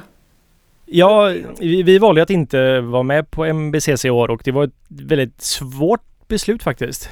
Det var jättejobbigt faktiskt. Jag den här veckan har varit, eller förra veckan framförallt, var extremt konstigt. Vi träffades ju Fredrik Mm. på onsdagen och drack öl. Ja. Kändes jag som en stabil person den dagen? Nej, du var väldigt eh, nervig. Ja det var jag. Och nej, men det var fys eller fysiskt. Det var det inte men psykiskt sett så var det väldigt, väldigt svårt och det är så här Mikkele Beer Celebration. Jag har ju varit på alla Mikkele Beer Celebration som har varit. Antingen som besökare eller som utställare då de senaste fyra gångerna tror jag. Och vi blev inbjudna till den här festivalen 2019 då för att den skulle vara 2020. Ehm, och har Ja, den har ju bara skjutits upp på framtiden och i våras så kom ju metoo till ölvärlden i och med Rat Magnet. Som började publicera vittnesmål då från olika och där blev ju Köpenhamn väldigt hårt kritiserat kan man väl minst sagt säga och det var ju dels då Dry and Bitter men också mycket eller Mikkele grejer och jag läste ju allt det här när det kom och liksom följde det här jättejättenoga. Jag fattade faktiskt aldrig att Mikkeler, för att mycket av det här var ju anonymt så de beskrev ju saker utan att nämna det vid namn.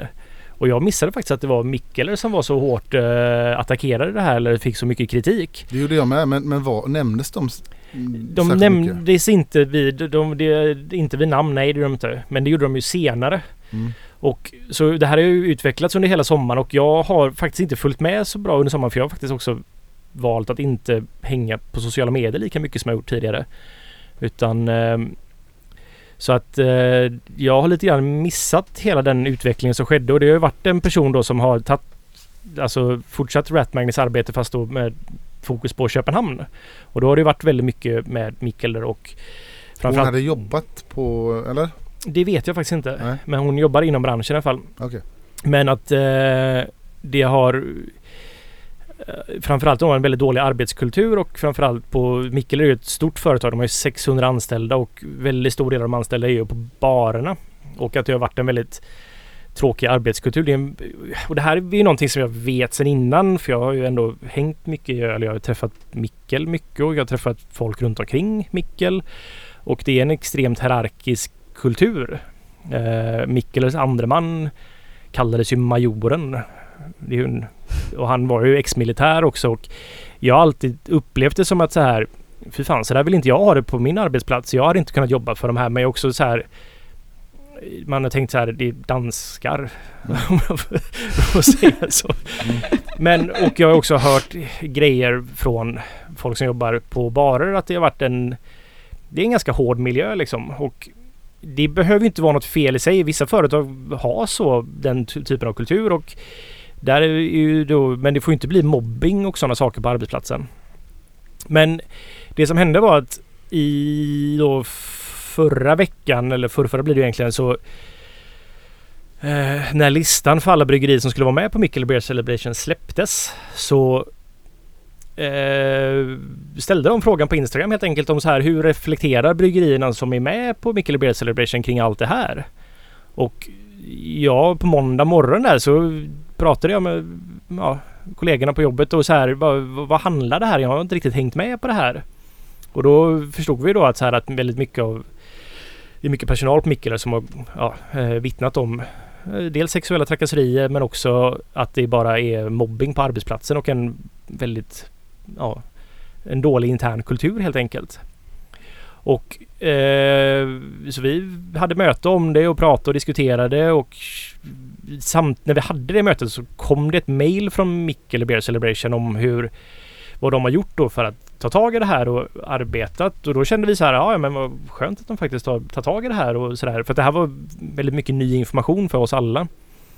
Men den natten satt jag uppe och bara läste allt det här och vad som har hänt. Så jag sov knappt den natten och fick faktiskt en liksom en min egna personliga känsla var att så här, det var en ganska dålig smak i munnen för att det var mycket av det som de blev anklagade för det var ganska allvarliga grejer och samtidigt så upplevde jag som att det här var någonting som Mikkeler faktiskt inte försökte jobba med. De hade tagit åtgärder men det kändes inte riktigt som de trodde att det här faktiskt var ett problem på riktigt utan de det var lite så här, det här kommer gå över. Vi säger att vi gjort lite saker och så kommer det bli bra. Så att, och då hade vi ett till möte på tisdagen och då pratade vi om det igen och då, då hade de andra också på jobbet faktiskt gjort ungefär samma som jag, att bara läst på mer och vi alla kände att alltså det här känns inte okej okay, liksom. Vi tycker inte att mikro tar det här på allvar. Och eh, det är ett stort företag. De är väldigt tongivande i öl. Och det är ju, de har ju chansen att faktiskt påverka.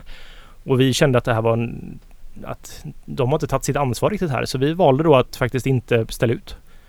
Eh, vi gick inte ut med det på tisdagen men för jag ville faktiskt prata med Micke så jag ringde Micke eller fick tag på honom på onsdag morgon och hade ett samtal med honom. Och så gick vi ut med att vi inte kommer vara med helt enkelt. Eh, men det var ett väldigt svårt beslut.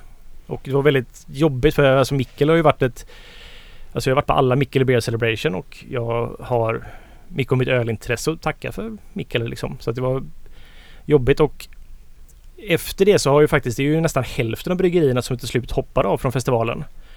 Och det känns lite som att faktiskt Mikkeler har fattat nu att det faktiskt är ett problem. Mm. Och jag hoppas det för att det är en stor arbetsplats och det finns jättemycket härlig personal som jobbar på Mikkeler och de, jag hoppas att det blir en förbättring helt enkelt. Men ni fick, eh, när vi var ute där, då, när ni hade gått ut med det, ni fick ju mycket kritik också mm. I, om man tänker säga, sociala medier. Eller både, både ris och ros egentligen. Ja precis, både ris och, men det är ju det är det som är också lite konstigt för folk har väldigt mycket starka åsikter om hur bryggerier ska agera och sådär. Mm. Ehm, och jag, vet, jag kan tycka också, jag hade också lite missat Mickler i hela den här, hela den här liksom, rörelsen och att, att det fanns problem där. Jag hade inte varit riktigt medveten om det.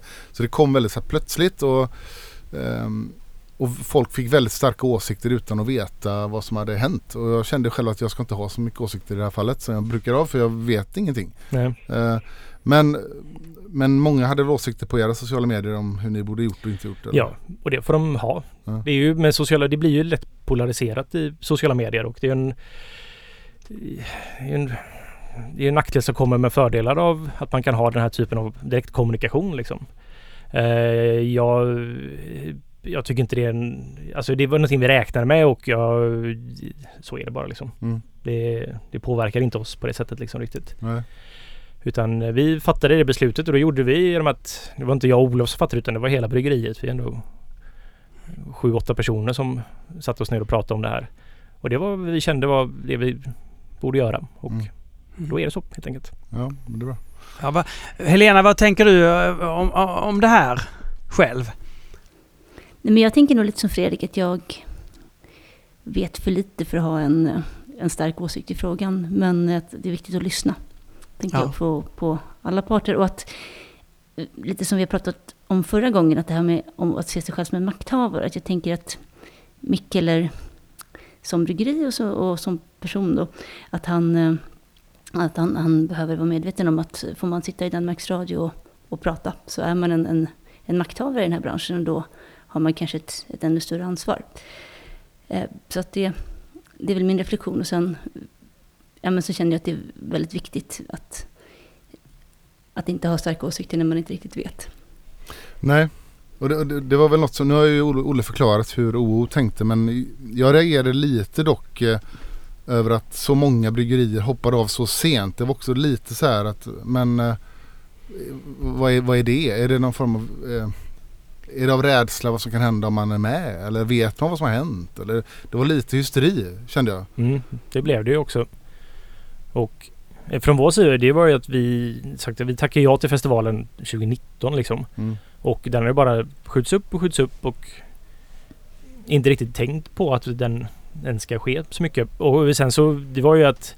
Och jag, jag är tacksam för det, att jag blev uppmärksammad på det hela. För jag har sagt, jag hade inte faktiskt förstått om det inte var så att jag faktiskt blev uppmärksammad från sociala medier att titta in på det här och kolla hur det och bilda en uppfattning om ja, vad ni själva tycker. Mm.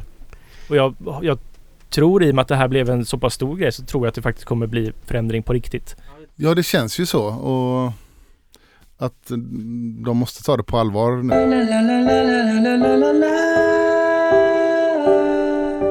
Du Helena, då, är man ju supernyfiken på hur du planerar här framåt. Alltså vad, vad spetsade du in dig på? Vilken öl kommer liksom att hamna i din väg här framöver? Jo, nej men jag eh, har ju återvänt till kontoret nu och jag har också bytt kontor liksom sen under pandemin. Och då upptäckte jag att jag jobbar ju väldigt nära Belgo bar här i Stockholm. Så då var jag nere och käkade lunch där och där hade de en alkoholfri öl som var riktigt bra på tapp till lunchen. Så att jag tänker mig att det kan bli fler luncher på, på Belgo bar och eh, avnjuta deras alkoholfria öl framöver. Så Vad var det är för väl öl då? Vad var det för öl? plan. Vad var det för öl? Vad var det för öl? Den hette Belgo bar alkoholfri. Jag tror att den är bygg... Jag kommer inte ihåg vilket bryggeri det var. Ah. Jag kan kolla upp det. Men det var en sån glad, glad överraskning. Ja okej. Mm. Vad trevligt. Tack för, tack för den här gången. Ja, Tack, väldigt tack. bra tack så mycket. fråga den här gången. Lång fråga. Ja, men tack så mycket. Ha det bra. Ha det gött. Ja, hej hej! Den bästa frågan i världen Ja, den här månaden är ju intressant att vi ska snacka om Oktoberfest. Denna tyska tilldragelse, för det, det är det väl ändå va? Ja, Mm, det är det väl. och lite sent gör det egentligen. Den, nu är det ju oktober och den börjar ju i september. Mm. 18 september har jag för mig den börjar. Ja. Kan minnas fel. Jo, men Pågår i vi det- är ju inte en reklampodd för Oktoberfest, så Nej. har du gjort det innan va? Men vill de sponsra nästa år Oktoberfest så får de göra Ja, Oktoberfest Tyskland sponsrar ölpölen. Ja, det är bara så sitter du på ett av de sex bryggerierna va? Ja. Så ring oss. Vet du hur mycket de omsätter Oktoberfest årligen? Oh, det är säkert en miljard. 9 miljarder Nio! Ja. Svenska kronor då? svenska kronor. Men då, men då menar du att Oktoberfest är ett varumärke så att Man säga? brukar ju kalla det för så här världens största folkfest. Ja. Eh, så här. Eh, att Och mm, Oktoberfest är ett varumärke. Du, Vi kallar Ja. ju vår öl för Festbier Ja. istället för Oktoberfest för att det är... du, det är skyddat Oktoberfestbier får du bara kalla eh, Det är bara de här sex bryggerierna som får kalla Men är det bara i en stad det här? München. München? Det är Mm. München det sker? Okej. Och så är det sex bryggerier som får vara med. Som är då Ah. innanför eh, stadsmurarna. Men det firas ju Oktoberfest lite överallt. Jag vet att Olof han pluggade ett år i Argentina och där var det vanligt med eh, Oktoberfest. Ja och där det finns mycket tyskättlingar och sådär. Så Mm. ja, Sydamerika och eh, ja, sen, sen så, jag vet inte vad ni har för associationer till Oktoberfest men jag Historiskt har jag haft bara jobbiga associationer till det. Samma På här. alla sätt liksom. Jag har tänkt så här Göteborgskalaset och. Oktoberfest. Och den här jävla Heden-grejen. Alltså Göteborg, när, när Göteborg hade något ölevenemang så här på 90-talet, 00-talet, då var det på Heden och så var det Oktoberfest där på 00 äh, Fruktansvärt liksom. och sen också blev det alltid så här Buttricks-grej i Sverige när man ska fira Oktoberfest. Man, man åker till, och det är fortfarande så när en del arrangerar Oktoberfest att man åker till Buttricks och köper roliga tyska grejer liksom. Mm. Att det är som en jävla eh, skämtgrej och därför blev jag så glad när OO och de fixade den här eh, sin tyska ölfest. Mm. Men ni hade då en typ en Oktoberfest? Ja, typ, typ skulle man verkligen kunna säga. Nej, men vi, vi hade en Oktoberfest. Vi kallar den för Ankasmedjan och OOs årliga Oktoberfest. Mm. Fast det här då är första året helt enkelt. Ja. Och i år, den blev, alltså vi hade lite större planer från början men eh, i och med att det varit en pandemi och man inte visste när den skulle vara över och sådär så har, blev den ganska begränsad. Men det är ett samarbete med Ankasmedjan som har tagit över Ankasmedjan helt enkelt som är eh, vad heter det? Sjömagasinets matstudio. Så Aha. den ligger där nere vid Klippan. Så det är en jättefin byggnad som är, ja det är en gammal Ankasmedja. Som de har haft som matstudio då sedan tidigare så att de är ett gäng med kompisar kan man väl säga som är väldigt, jobbat med mat väldigt länge och eh, restaurang. Eh, har en matklubb kan man säga det. Har de tidigare haft, de har lagat middagar, temamiddagar och nu gör de det i ett kommersiellt sammanhang då så att de man kan gå in på Ankarsmedjan social någonting och så om man googlar det så hittar man det. Och så har de då att det är inte så att man kan bara gå in och boka ett bord till vilken dag som helst utan det är som att de lägger ut så här den här dagen så har vi vegetariskt tema, den här har vi det här temat eller så här det kan vara eh, ganska kreativa roliga teman de har och så eh, bokar man plats på den sittningen helt enkelt och så ville de göra då en eh, hylla tysk brun mat helt enkelt. Jag, jag, jag var ju där och så Ja. jag, eh, hörde jag mig till dig och du skulle kolla på film med familjen. Du ville inte Ja, komma. kolla film. Ja. Du missade något faktiskt. Ja. Det var god mat, god bärs och... ja, Och brun mat. Brun mat. Mm. Fast det var bra brun mat. Det är ju jättegott. Alltså jag älskar ju den maten. Men- är ju- Jo men det var välgjort Ja också. precis. Vad pratar vi? Pratar vi schnitzel? Eller fick en liten vi... schnitzel fick vi också som Ja. var, fast inte en stor fet utan mer som Mm. en mellanrättsgrej på Ja, en ja, macka. Åh. Jättegott och sen lite kall, kall, kallskuret inledningsvis va? Mm, ja, det var det. Och eh, lite korvar och... lite- Korvar ja, S- surkål, alltså hela kittet. Ja det var jättebra. Ja, det var, det var jätteroligt faktiskt. Det var väldigt roligt att jobba med det här också för att... Ja, och så... Vi hade tänkt att det skulle vara lite mer fest men nu blev det ju bara middag då helt enkelt. Med... Eh, eh, men att eh, det var, vi hade ju med oss två öl då, Oktoberfest och eh, Märzen. Så det var en mörkare öl och en ljus öl som vi serverade helt enkelt till gästerna. Och eh, så det var gött att bara få ha med sig två öl också. Att det, Mm. liksom, det var det var fokus på att man ska bara det, det passar ju, framförallt Märzen passar ju väldigt bra till den här typen av mat. Så det var ju väldigt bara roligt att... Ja men superbra och det var väldigt lyxigt när ni gick runt och serverade. Så. Ja, ja precis. Ja, det var gott. Men har ni, varit, har ni varit på Oktoberfest? Riktig Oktoberfest? Eh, nej. Skulle ni vilja åka dit? Jag tror det. Mm, ja. Nej?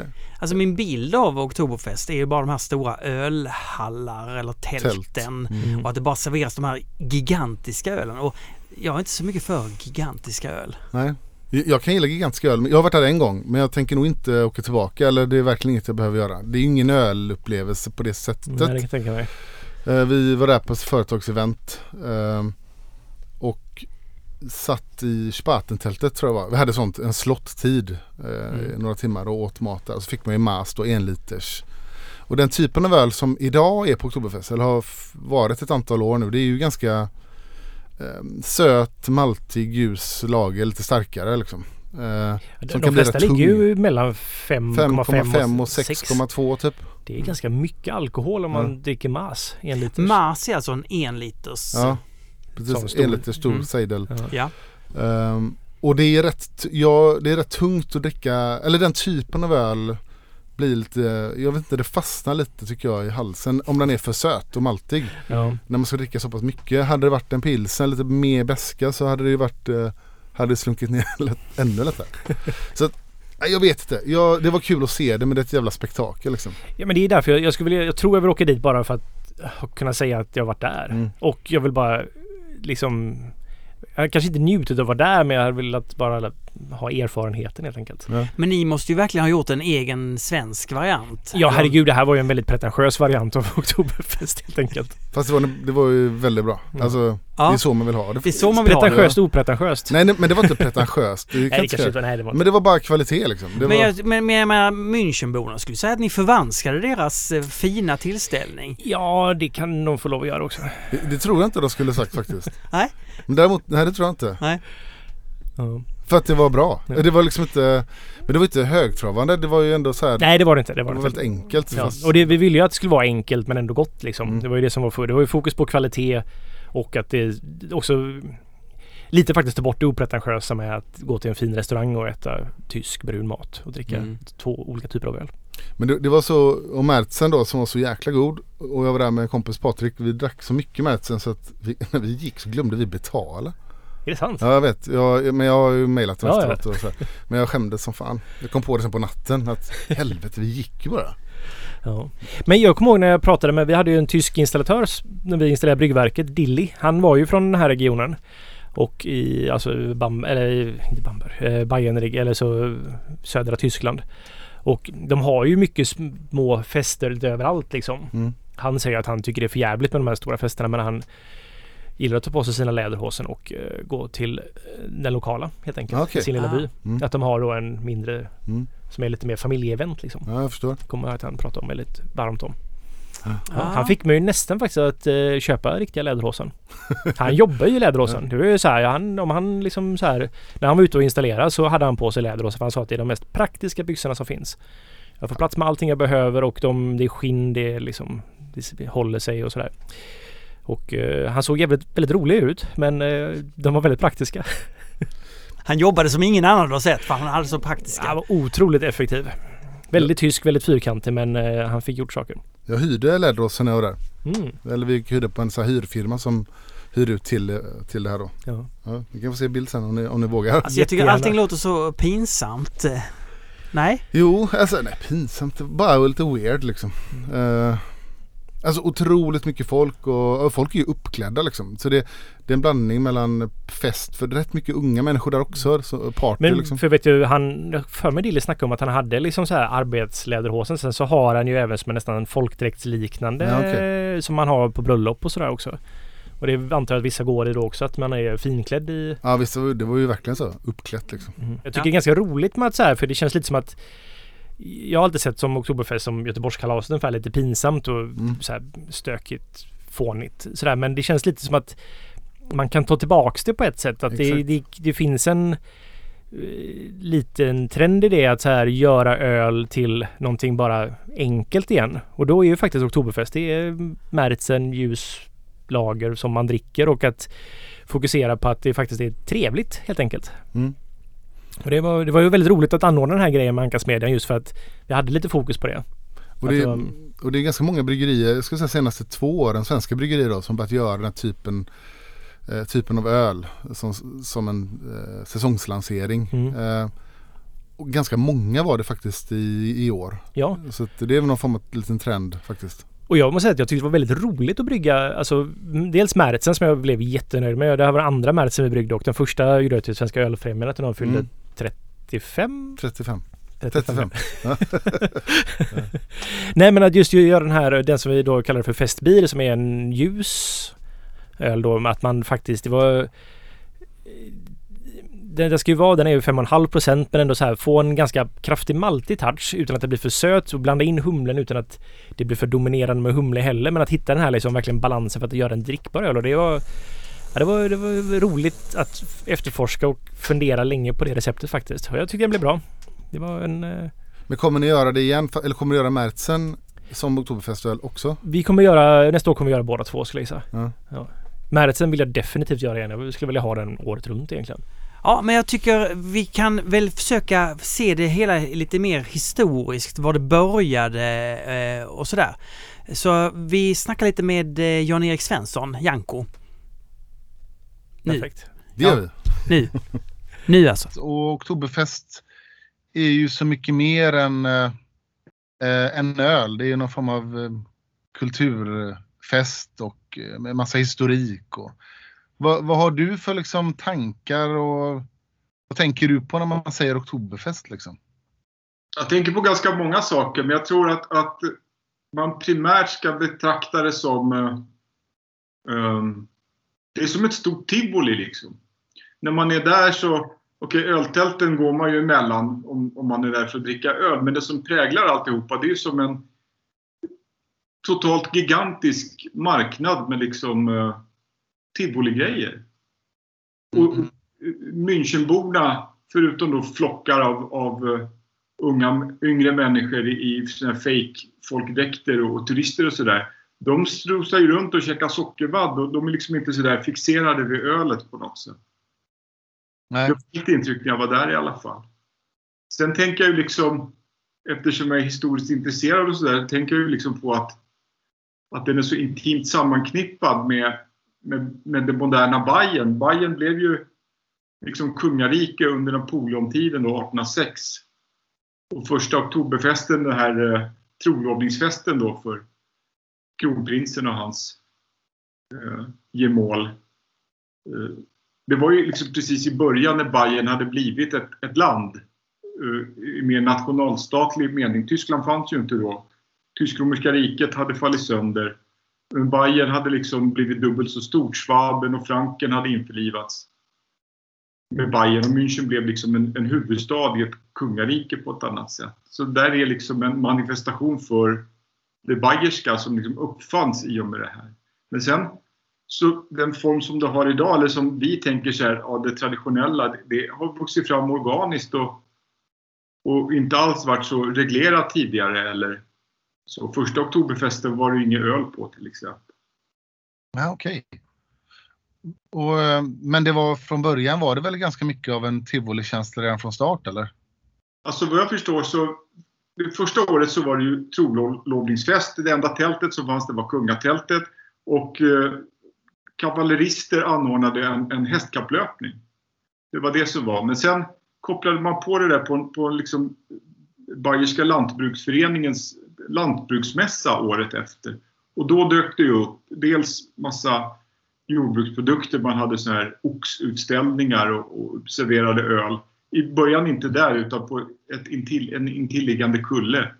Sendlingerhö i träbodar. Men det där flyttade in så småningom på området. Men första öltältet som vi känner det kom i slutet på 1890-talet. Så det... Ja, okej. Och apropå öl då, det, det är ofta ganska diffust beskrivet vad det fanns för öl och det fanns liksom många olika ölsorter rätt så långt fram i tiden. Den här bilden vi har idag att det är liksom en sorts öl, ett, ljust festbier eh, som serveras. Det är ju av förhållandevis nytt datum. Alltså ända fram till andra världskriget så förekom ju liksom pilsner och veteöl och, och allt möjligt. Och det var inte bara Münchens bryggerier. De hade eh, från, från Wien och, och från Budweis till exempel. Inte Budvar utan det andra bryggeriet som heter Samson idag. Budweiser Bürgerbrus. Det fanns ju utländska öl där också. Så det var inte alls. Jaha, som- fick vara med alltså inne på området? Ja, så att det här är liksom bara de sex varumärkena som är så stenhårt idag. Det är, jag vet inte riktigt där det kom, men det måste varit efter kriget. Och det var-. Och det var 1953 som, som man började med ljust öl. Festby då. Ehm, Men som sagt, det där är, man pratar om öltyper som egentligen är knutna till, ehm, till produktionen eller till, eh, alltså som inte beskriver typen i sig, då, då blir det lite marigt. För Festby är ju ett öl som görs till fest. Alltså det skulle kunna vara ett veteöl också liksom. Och Märzen är ett öl som bryggs i mars. Sen tänker, vi, sen tänker vi att en Märzen är ljusbrun, att det är liksom ett wieneröl bryggt i mars. Men eh, alla som har druckit Schlenkela vet ju att den kan vara nästan svart och rökig också. Det är också en März. Från början då, pratar vi 18, 1810, det var ju inte öl första året sa du men då, är det inte, det en vild gissning att tänka att det måste ha varit dunkel ändå i början? Ja, jag har funderat mycket på det där. Det, det, det står ju väldigt lite om det i litteraturen. Jag tror jag skriver i ölboken den senaste att, att det var mörk lager. Men jag vet inte, om man ska vara ärlig, hur vanligt det var med liksom mörk lager som vi känner den före 1830-talet, alltså när Sedelmeier gjorde fabrik av det. Eh, och tittar man i, i litteraturen eh, Höll, Huber och Paul, Die biede Deutschlands, de nämner dels från 1811 om jag förstått det lätt, att de sålde brunt vinteröl. Och det verkar ju vara mörkt då, kanske lager. Men sen skriver de några sidor längre fram att det som såldes före 1872 var lätt sommaröl. Och det har jag alltid funderat på, vad, vad är lätt sommaröl liksom?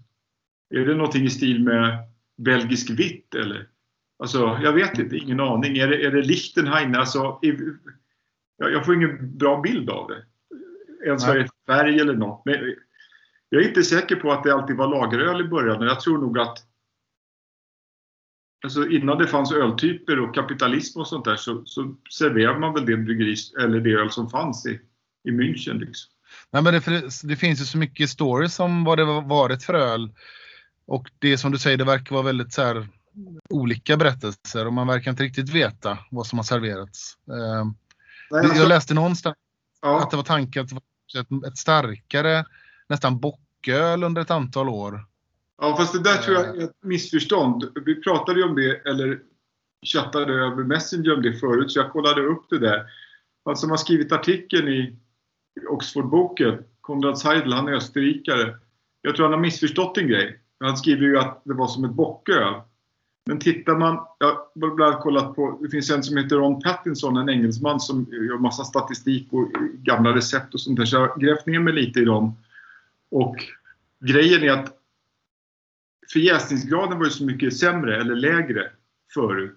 Så att en normal märtsen vid 1800-talets mitt, jag hittade ett exempel från 1868, den låg på 15,4 Plato. Mm. Och alkoholhalten måste jag tjuvtitta här i mina papper. Ja. 5,6. Ja. Så det här med att, att Märzen har liksom en, en lägre... Märzen har oftast liksom 13 plus i vårdstyrka idag och alkohol 5,5 kanske. Men för att nå den alkoholhalten så var man ju tvungen att, att ligga mycket högre i alkohol. Så de låg nästan som en bock i vårdstyrka då på Aha. 1800-talet. Fast styrka, alkoholstyrkan var inte mer än 5-5,5. Det kan ju förklara ett och annat, ja. Ja. Men, men, men det man vet, man vet väl ganska väl, för, som du säger, från eh, senare 19, eh, eller mitten 1900, vad det var för typ av öl. Och där skedde väl en tydlig förändring 80-talet, 90-talet. Alltså, jag trodde det. Jag har skrivit i min bok 80-talet också. Men det var bra att jag fick researcha lite inför det här samtalet. För att eh, som sagt 1953 kom det första ljusa festölet. Mhm. Så att, eh, ända fram till andra världskriget, jag har sett eh, ölutbudet på 1930-talet och det var inte alls bara Märzen. Det dominerade Märzen. För det som såldes då, alltså storyn 1872, det var ju att eh, Schottenhammels festtält, deras lätta sommaröl, vad det nu var, tog slut för det var väldigt varmt. Och de hade avtal med Spaten. Om jag inte missförstått allting så var de tvungna att skaffa öl någon annanstans ifrån och då bröt de liksom här avtalet med Spaten och kontaktade ett bryggeri som heter Leist istället. Som är föregångaren till Franciskaner som nu är en del av Spaten i och för sig då. Eh, Münchens bryggerier har ju en lite krokig historia där det liksom går ihop och går isär. Men det som de bryggde på Leist, och det var en som hette Gabriel Sedelmeier den tredje, så han var ju släkt med Spaten-folket. Det var ju en kopia av Anton Drehers wieneröl. Mm. Så att eh, det serverades ju inte som... Alltså Märzen var ju för att det var bryggt i mars. Men det var ju stilmässigt ett wieneröl. Märzen var liksom ingen öltyp utan det var öl bryggt i mars. Och anledningen till att de hade det, det var att, att eh, alltså wienerölet kom från 1841. Eh, det man glömmer ibland är att både pilsen och vin låg i Österrike på den tiden. Så att eh, kännetecknades av samma råvaror som pilsner, det vill säga märgs, korn och satshumle. redan från början. Och den var liksom, eh, hade regional betydelse redan från 1840-talet men från mitten av 1860-talet, Anton Dreher som ägde det här bryggeriet i Tjechat utanför Wien, då började han liksom grunda bryggerier i andra delar av Österrike också. Eh, ett i närheten av Saats i Tjeck, dagens Tjeckien då, Miecholupi. Ett utanför Budapest och sen ett i Trieste som var, det ligger i Italien idag, det var Österrikes viktigaste hamnstad. Så att det var en väldig hype runt uh, wieneröl efter 1866-67 någonting.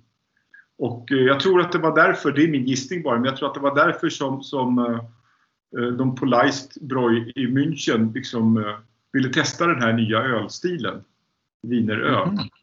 Och den var då bryggd i mars. Och det var också intressant, jag liksom har stött på liksom begreppet lager. Vi, vi pratar om lager som en generisk term för underjäst öl. Men som det användes på den tiden så var ju lager ett öl som hade lagrats 3-4 månader. Eh, Det är ungefär som i den tjeckiska eh, ölklassificeringen. Där är ju Plato 11 och 12 kallas för lager. Även om det är en IPA eller ett veteöl så, så heter skatteklassen lager. Till skillnad från P10 som då kallas för fatöl oavsett om det säljs på burk eller inte. liksom. Så det, det är Mm. mycket förvirring runt termerna. Men det här var då ett långlagrat marsöl. Och det var visserligen dyrare när det började säljas då i Schottenhammels tält. Leists wieneröl. Men det lär ha då varit ett genombrott för det blev väldigt populärt. Så att när man tittar på de öl som såldes från 1872 fram till andra världskriget så var det mest Märzen. Men det var också, Thomas Broy hade alltid en pilsner. Det fanns veteöl och som sagt det fanns även utländska bryggerier representerade. Så, så jag vet liksom inte om, om det någonsin har varit ett läge när det bara har varit de sex stora varumärkena som har sålt ljusbrun Märzen. Det verkar aldrig ha varit så. Däremot, Okej. så, däremot så började de ljusa ölen komma på 1950-talet. Eh, och jag vet inte om någon, någon halvmörkt öl var kvar så mycket längre men, men alltså, det är ju mer än eh, 60 år gammalt då, det, det Oktoberfestöl som vi känner idag. Ja, det, alltså, det här är ju superintressant. Det innebär att det har varit en salig röra egentligen vad för typ av öl som har serverats. Och... Men om vi ska, om, om man tittar jättemodernt då. Jag, jag, har ju varit där, jag har varit på Oktoberfesten en gång. Det var fyra år sedan. Fyra eller fem år sedan. Ja. Eh, och då, eh, ja det var väl i sig förvä- vad jag hade väntat mig, men jag slogs av hur då, då är det ju väldigt endimensionellt idag. Vad som, idag är det väldigt likt vad som serveras. Det är en, eh, en festbil som är väldigt maltig, eh, ganska söt, eh, ljus lager mellan, ja, vad säger du, 5,5 till 6,5 någonstans där. ja. Och som jag upplevde det ganska, eftersom man får stora, man får mass, det är en liter. Eh, Jag, tyckte nästan att det var lite svårdrucket efter två liter alltså. ja man kan ju jättemycket, det kan man inte. Nej. Men man kanske inte ska, eller vad tänker du? Det är så mycket mer än ölen eh, Oktoberfest gissar jag. Det det är ju inte en, det måste ju vara en mardröm för en ticker att åka till Oktoberfest och prova öl. Verkligen. Nej, men det intryck jag fick när jag var där, jag var ju där för två år sedan va? Om jag inte ljuger. Det var två år sedan innan det var Corona, eller hur? La ut en massa inlägg under en hel dag. Ja, precis. Jag kom ju dit när de öppnade 10 så gick jag därifrån vid två då, så att jag hann väl med tre tält tror jag. Eller fyra kanske, jag kommer inte ihåg. Men det intryck jag fick det var att de flesta som går dit, om du tänker dig så här eh, grabbgäng, st- studenter eller unga yuppis, eh, tjejgäng från Australien och sånt där. De köper ju liksom en öl och så sitter de där och spanar in människor liksom Mm. jag fick inte, inte, inte då på en måndag förmiddag när det regnade så var inte folk där för att kröka direkt utan det är liksom man har ölet framför sig. Mm. Så att jag, jag kommer ihåg jag började med en Hackupschorr och sen så gick jag till de har ju en sån historisk avdelning om det var Hofbräu eller vad de hade där och sen så slank jag förbi Löwenburg på vägen ut också. Men, men nej, det, det var ju bara att glömma liksom att prova ett öl i varje tält eller ett från varje bryggeri. Det, och det är knappast meningsfullt heller. Det går liksom. Men, men har du varit där många gånger eller? Ja, en gång då, för två år sedan. Ja, det är bra. Ja. Men har, har, vilket är lite förvånande med tanke på hur mycket du är i Tyskland och sådär. Men har du, har du haft något motstånd mot att åka dit tidigare eller vad beror det på? Absolut. Det, det känns ju inte som ett eh, Det känns ju inte som ett evenemang för eh, liksom ölkonnässörer om man får låta lite skrytig. Alltså det är ju liksom Det är som om om de i Vimmerby skulle ha liksom varje februari en vecka där de sålde Åbro 7,3 liksom. Det är det första man skulle åka till. Och jag säger det bara för att jag den häromdagen och tyckte faktiskt den var jättegod och så. Så att inget ont om det, men liksom det är inget högprofilerat ölevenemang smakmässigt så. Men sen, jag fick lite blodad tand när jag var i Düsseldorf en gång över dagen. Att det verkligen går att göra så, att man åker någonstans för att slippa krångel med övernattningar. Sen så dagdricker man och så flyger man hem sen. Eh, Så, så det kändes liksom som... eh, Jag lämnade ju redan vid två, då var ingen fylla, det var inte så mycket folk. Eh, Jag hade fått nog liksom, det var perfekt. Ja. Sådana alltså endagstursölresor, är det något koncept du ska sälja in eller? Nej, jag vet inte om någon än jag skulle vara intresserad av det. Jag, jag var ju med några stycken i Düsseldorf i och för sig, vi var ett gäng. Men de, de som var med då säger att de nog hellre hade övernattat vid närmare eftertanke. Och till München kunde jag inte lura med mig någon. Men mig passar det jättebra. Jag tycker inte om att sova på hotell. Och det är svårt dessutom under oktoberfesttider och sådär att få tag på rum. I centrala München. Då får man liksom bo i Augsburg och åka lokaltåg eller något sånt. När jag var där så var det, en, eh, det var med ett företag som eh, bjöd dit eh, oss. Och då var det så här att man hade en sittning en viss tid och man köpte biljetter lång tid i förväg. Och det lät, om jag förstod det rätt, så lät det som att det var ganska svårt att få biljett. Men du, och så var vi i ett tält då, vi var vid, det var vid Spaten. Ja. Men, men, du, men du kunde komma in i flera tält. Är det, var det någon, hur funkar det? Är det någon ute... Det var första måndagen. Alltså Ja. efter första helgen. Det hade väl Ja, börjat fattar. och det regnade. Och det var jättemycket folk tyckte jag. Men jag menar, när de öppnade, jag kom in på området innan tälten öppnade, så det var ju en flock utanför varje tält. Men när, när de öppnade tälten så var det ju liksom helt tomt. Alltså det satt ju folk på 10 kanske av bänkarna. Och det fanns ju bokningar för längre fram på dagen. Men det var inga problem där. Sen vid lunchtid så var jag på det här, vad heter det, eh, historiska området. Där man får betala extra inträde och där man får öl i stenkrus och sådana saker. Och där det var folkmusik och sådana grejer. Uh, det är ju liksom lite dyrare. Där var det mer folk. Men det var ändå inte knökfullt och det var liksom inte så bokat att man inte fick sittplats. Och sen då på vägen hem, då hade jag fått nog och då gick jag genom Tivoliområdet. Men sen for djävulen i mig så jag slank i Lövenborg-tältet också. Eh, och då fick jag sitta lite mer undanskymd på någon kant på någon balkong. Men det fanns ju fortfarande då, det här var ju tidigt på eftermiddagen, fanns det ju plats. Liksom. Men jag har också läst att, att man liksom köper slottar. Ett ja. bord 10 pers från liksom 16 till 19 eller ja, sådär. Men eh, jag slapp det när jag var där en, en dålig dag. Liksom. Mm. Ja, men vad, vad, säger du Är du, ja, men... är du sugen på Oktoberfest? Nej, men man, man, kan ju se lite grann att svenska bryggerier har ja. anammat och gör, försöker göra någon typ av Oktoberfestöl. Ja. Alltså hur, hur, hur ser du på den utvecklingen? Så jag tycker det är väl som med julöl och påsköl och sommaröl och öl till kräftorna och vad som helst. Det, det är liksom, jag tror att det är en kommersiell lockelse att skapa ett öl som väcker intresse. När man pratar med svenska bryggare som jag känner, det är ju så, i alla fall i craftvärlden och när man tittar på de stora bryggerierna delvis också. Det, det, vi lever i en ölmarknad i Sverige där eh, konsumenterna förväntar sig nyheter hela tiden. Eh, jag pratade med Jessica Heidrich från Vaxholm på Stockholm Beer och konstaterade att Janko Unchained som bara är två år gammal, den finns liksom inte längre. Jag är ju lite egenkär då så det tyckte jag var tråkigt. Men hon sa det går liksom inte. Den, den sålde bra, sen har intresset falnat och nu har det kommit liksom tio nya märken. Och hon är säkert typisk. Det finns ju några undantag. Jag menar som Stigbergets västkust-IPA, den har väl blivit etablerad. Några av Oppigårds öl och det finns en del sådana här som kanske håller på att bli moderna klassiker. Men, men de flesta vill ha snurr på sina märken och då är ju säsongsprodukter tror jag eh, ett sätt att göra det på. Plus att, att eh, många är ju gamla hembryggare eller liksom intresserade av, och, av ölstilar som vill testa hur det är att brygga ett festöl. Liksom. Mm. Ja, just det. Men sen som sagt, varken festbier eller special eller märtsen är ju egentligen från början beteckningar för en special, alltså det säger inget om innehållet. Festbier är ju bryggt till fest.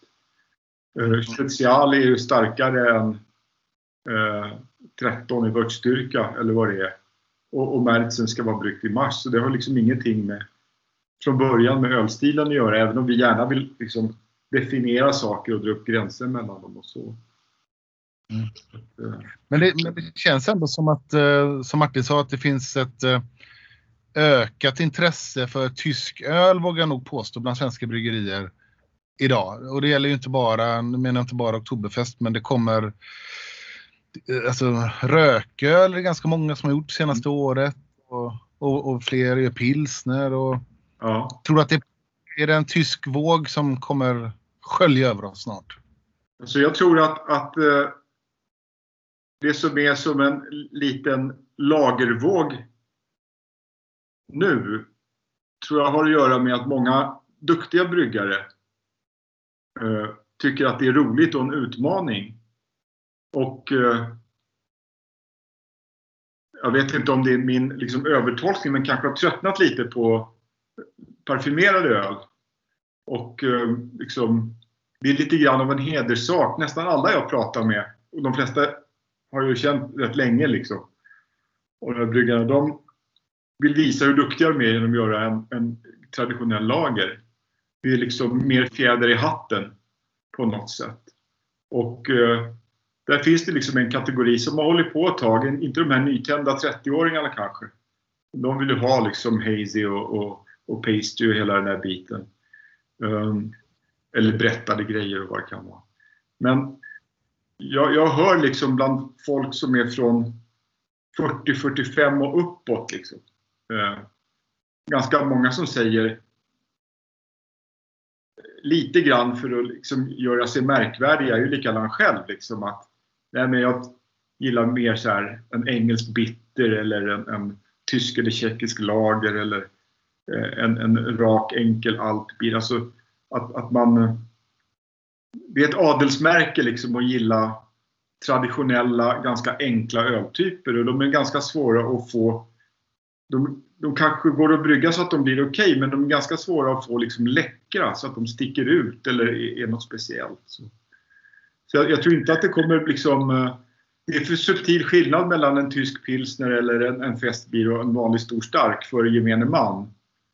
Uh, I bästa fall kan det bli som med tjeckiska Budvar att man liksom kan lura folk att det är en stor stark så dricker de kvalitetsöl. Ungefär så.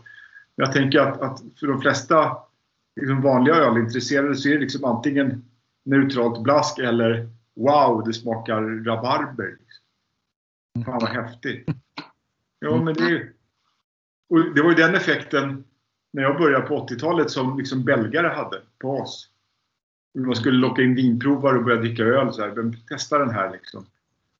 Rochefort 10. Wow! Kan öl smaka så här? Den effekten har ju de här eh, mer eh, yviga tolkningarna som görs idag. Ja, men Inget, inget stort genombrott för tyskt öl eller eh, traditionella öltyper tyvärr. Men, men eh, det kommer nog finnas med liksom som så här att vi gör ett lite finare bilmärke också som bara vi som kör ofta känner till. Liksom. Ja, Ja, men det är bra. Ja, men det är underbart, eh, Janko. Jag vet inte, hade vi något mer Martin? Vi... det var jag tycker det här perfekt. Det är ett tivoli egentligen bara. Det handlar inte så om någon finöl utan men det är tivoli med ex- extra stark ljuslager. Liksom. Ja. Också sagt, inget fel med det. Eh, så att, eh, det, det, är- det är intressant när du frågar där varför jag inte har varit där tidigare, men det känns skönt liksom att ha bockat av det. Jag skulle inte ha något emot att åka tillbaka, men, men det känns ändå som att nu vet jag hur det är. Liksom. Ja, så känner jag med. Jag, jag, har ing, jag känner inte något behov av att åka tillbaka faktiskt. Det finns ju andra ölresor man vill göra innan det. Bra! Tack så mycket! Tack! ha det gott. Tack så mycket. Hej då. Hej.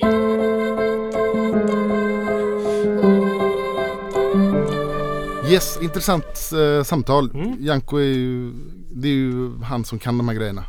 Eh, jag tyckte det var intressant med hela det här att man tänker att Oktoberfestöl, det, det är väldigt tätt liksom kopplat till märtsen eh, och, och på senare år någon form av festbier, en ljusare lager. Men man inser att det har ju varit allt möjligt genom åren. Mm. Mm. Att det inte varit så styrt till just den här Ja, typen och jag tycker det är intressant. Är väldigt intressant att höra det här att Oktoberfest är lika mycket sockervadd som öl. Jag Mm. trodde att det var en ölfest, men det, det är mer en fest. Ja, visst. Och visst, det är öl på Men festen det är såklart. karuseller Tivoli, och allting. ja, Ja, det är, ja, okej, ja. Mm. Så det är verkligen tivoli och jag blev så förvånad för när jag, när jag var där så Jag har ju bara sett det på bild och sådär innan och sett på stor Jag tänkte så här, det är ute på utanför München trodde jag för länge sedan. Att, eh, ute på stora ängar liksom. Men, sen, men det är ju liksom inne i, det är ju liksom inne i stan. Ett, Jaha, ett, okej. ett otroligt område. Ehm, så det känns ju helt bisarrt när man, när man är. Det är en stor industri liksom. Ja, om de omsätter 9 miljarder så är det... Det är ganska mycket pengar. Och kul att han kör sådana sit- att han bara varit där en gång för att han också haft den här bilden av att det här är ingen rolig grej och att han åkte dit över dagen från Stockholm, flög in och flög ut samma dag. Det är fantastiskt. Det är fan Det är både det dedikerat ska och ändå lite så. ja, weird och eh, dedikerat. Men jag tycker det är jätteintressant det här med att det vi har serverat mycket olika öl där. Att vi har och vi har ju förenklar ju alltid sådana här saker i slutändan. Att, så här, Mm. att det finns en att Märzen är den traditionella oktoberfestölen. Och det finns väl någon sanning i det men det är inte hela sanningen. Nej men precis. Och det var ju så här när vi jag har kollat på Antapt och sådär över recensioner som vi hade på vår festbil då som inte är en Märzen utan den är mer bara en, en ljus. Lite maltigare, lite beskare. Men den är så här bara balanserad, starkare. Som en Imperial Helles kan man nästan kalla det. Mm. Men nog, där var det många som eh, skrev att man eh, det här inte var en oktoberfestöl utan det var för att det inte var en Märzen. Och då blev jag faktiskt ganska provocerad. Jag har blivit bra på att koppla bort så att jag inte blir provocerad av Antapt. Jag har så här, kan liksom meditera lite innan och hamna i sen och så, så här, ja ja det är konstruktiv kritik, ja ja trevligt. Men just den blev jag faktiskt så här, nej men vad fan. Men du brukar inte så ofta gå in längre och läsa men i det här fallet gjorde du det? Eller? Nej, jag, går, jag har faktiskt börjat för att det är ändå... Jag slutade med det för jag faktiskt blev Provocerad? provocerad och arg. Det var också, jag hade någon form av så här, kolla på telefonen innan man går och lägger sig och så tittar man antappt och så kunde man inte sova sen. Låg man och hade fake diskussioner med personer på nätet som man inte ens har träffat i huvudet Ja, när man lägger upp dem. Nej men jag, men jag tittar faktiskt på Antept för att det, det är ändå... eh, Nej men det, det, det är bra att hålla koll på vad folk tycker om ölen man, Mm. man producerar. Och det är Antept, vi har faktiskt en väldigt... Eh, det, är, det är ganska bra verktyg för oss om man ska vara helt ärlig. Men jag tog med den. Mm. Jag tog med ditt öl. Tack så mycket. Jag har inte druckit Ja. den här ganska länge nu. Får ju faktiskt lov att säga att den här har eh, oxiderat ganska mycket. Du sa vid något tillfälle att den hade dålig skumstabilitet. Jag tycker det är ganska fint skum. Ja, det där är märkligt faktiskt. För jag upplevde den typ som att den hade jättedålig skumstabilitet även på tank. Men det är faktiskt...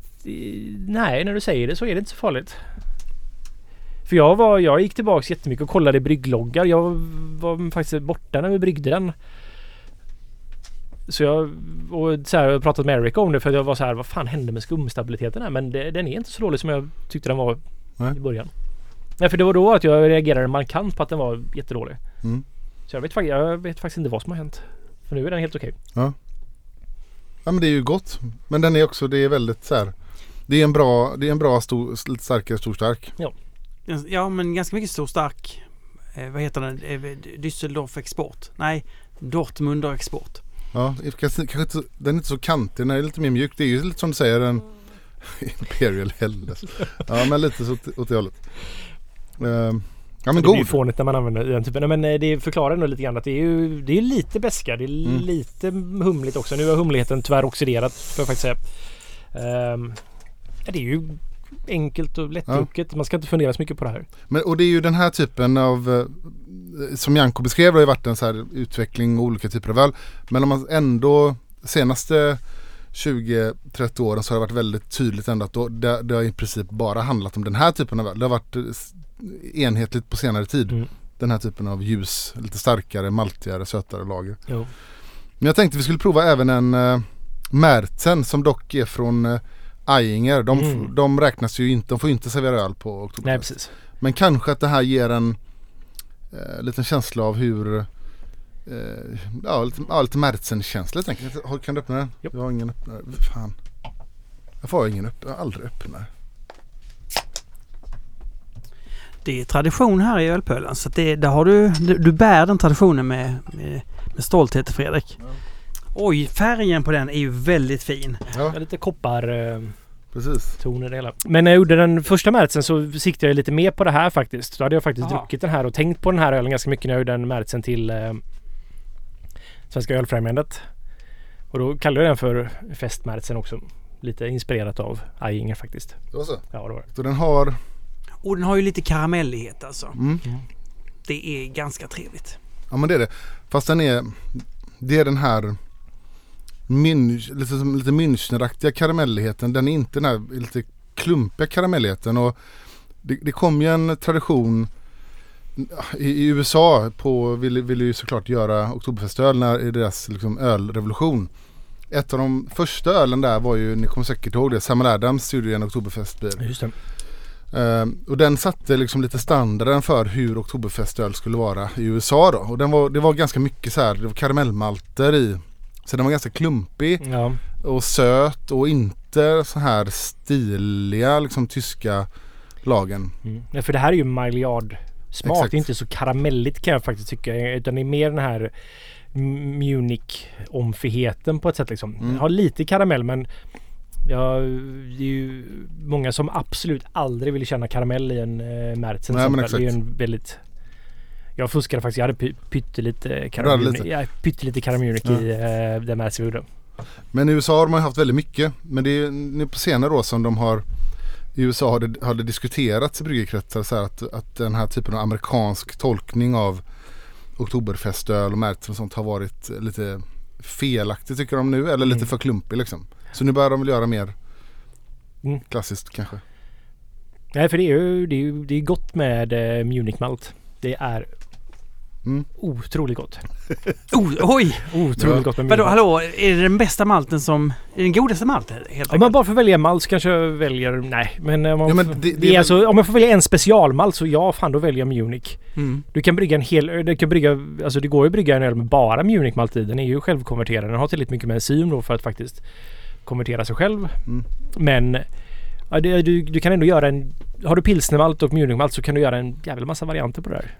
Och ska man beskriva någon vad, vad malt smakar, det, alltså kärnan blir ju någonstans Münchenmalt tycker jag. Det är ju det som är, har mest eh, så här rå eh, varukaraktär av malt tycker jag. Aha. För att den är brödig och har, eh, den har en, en ett spektra av maltsmaker. Mm. Paulaner med Det var äckligt. Oktoberfestbier. Usch. Mm. Paulaner är ett av de sex bryggerierna som får vara på Oktoberfest. Skit. Det här är ju, det går ju inte att skilja från en Åbro. Nej. Men det här var riktigt pappigt och tråkigt faktiskt. Krogavtalen. Ja, För att där undrar man ju ändå, vi gjorde ju ett helt avsnitt om krogavtalen. Mm. Detta vidriga fenomen. Eller hur man nu Mm. vill se på det beroende på hur man är lagd där. Eh, hur står vi idag? Vad händer? Alltså ja, det här avsnittet, jag upplevde att eh, det blev väldigt så här, omtalat. Vi fick ju ganska mycket, jag har fått mycket så här meddelanden och, och vi har fått en del mejl och mer kanske än något annat avsnitt som jag varit med i i alla fall. Som det här berörde liksom. Folk tyckte Mm. det var intressant och så här. Du har nog hört mer än vad jag, Mm. i och med att du är lite mer avsändare i det hela. Men jag har också faktiskt fått en del... Ja men att folk inte riktigt fattat att vad det handlar om liksom. Nej, Nej, utan att det var ändå att... Jaha, är det, nu förstår man hur, varför det är som det är liksom. Lite grann. Ja att folk tyckte det var intressant och sådär. Så att, Tyckte det eh, var roligt att Ina eh, fa- verkar ha fa- fattat det eh, väldigt mycket. För hon blev ju väldigt glad för det här avsnittet. Ja, Mhm. Ja, hon delade ja, hon delade och tyckte Ja, det var, ja. om, man, om, man dricker, om man någon gång är ute och dricker öl ska man lyssna på det här. ja, det var. Ja, men det var, det var bra och eh, jättemycket positiv feedback. Eh, Jag och Olle fick eh, från en person lite negativ feedback Mm. men eh, annars ingenting annat. Men det, det man egentligen undrar är ju när avgörs det? Vet vi det? Nej det vet vi inte. Nej. Så att jag vet inte vad som har hänt efter det men eh, en, en intressant sak som jag har tänkt på som vi inte pratade om sist som eh, som eh, de här Sveriges små oberoende förening eh, har diskuterat den här frågan och som är en lite intressant möjlig eh, så här för många, menar, många förstår det här, det här kommer aldrig försvinna, det här måste finnas för att vi ska få pengar och sådär till, till eh, start och krogverksamhet. De hade en take på det som är, som är lite intressant. Det, är så här, det, det skulle kunna, kunna komma en reglering som också innebär att man, man får teckna ett avtal med en leverantör som är ett volymavtal. Men att det får inte vara på, på hela volymen utan det får vara på en, en maxvolym så att säga. Mm. Det är ju en kompromiss. Det är en kompromiss, bättre än ingenting liksom. Mm. Men, men att, vilket innebär att ja, men det, finns, det finns faktiskt lösningar på det här. Och sen så tycker jag en annan så här invändning som har kommit lite grann det är ju att så här, ja, men, utan det här hade många krogar inte kunnat starta och vi hantverksbyrå ska vara glada för det här. Så att jag, ja, men det, det är så här tankefel där därför att de ställena som tar in hantverksöl på fat det är ju just de ställena som inte är 100% uppbundna. Så att jag förstår inte riktigt den. Nej, jag upplever också så här att den kritik man har fått och även då från internt i branschen så här att det finns en att det skulle finnas en positiv. Det, jag, upplever det som att det blir att det, att det är tankefel helt enkelt. Ja. Att man inte ser riktigt konsekvenserna i Ja, sin precis. helhet. eh, Med det hela. Och det är ju Och att man inte ser strukturen och vad det beror på. Att, att vi, vi, vi förstår absolut varför det här finns och vad, vad, de- vad fördelarna med de här Mm. bryggerilånen och, och svårigheten att bara kapa det från dag ett till dag två. Men man, men man måste kunna se det strukturella liksom, påverkan som det här har på marknaden. Nej, för det har ju, det, det är alltså hela, alltså hela restaurangrörelsen är ju dominerad av det här på ett sätt som eh, inte är så hälsosamt. Jag, jag funderar ju på det här med stora företag.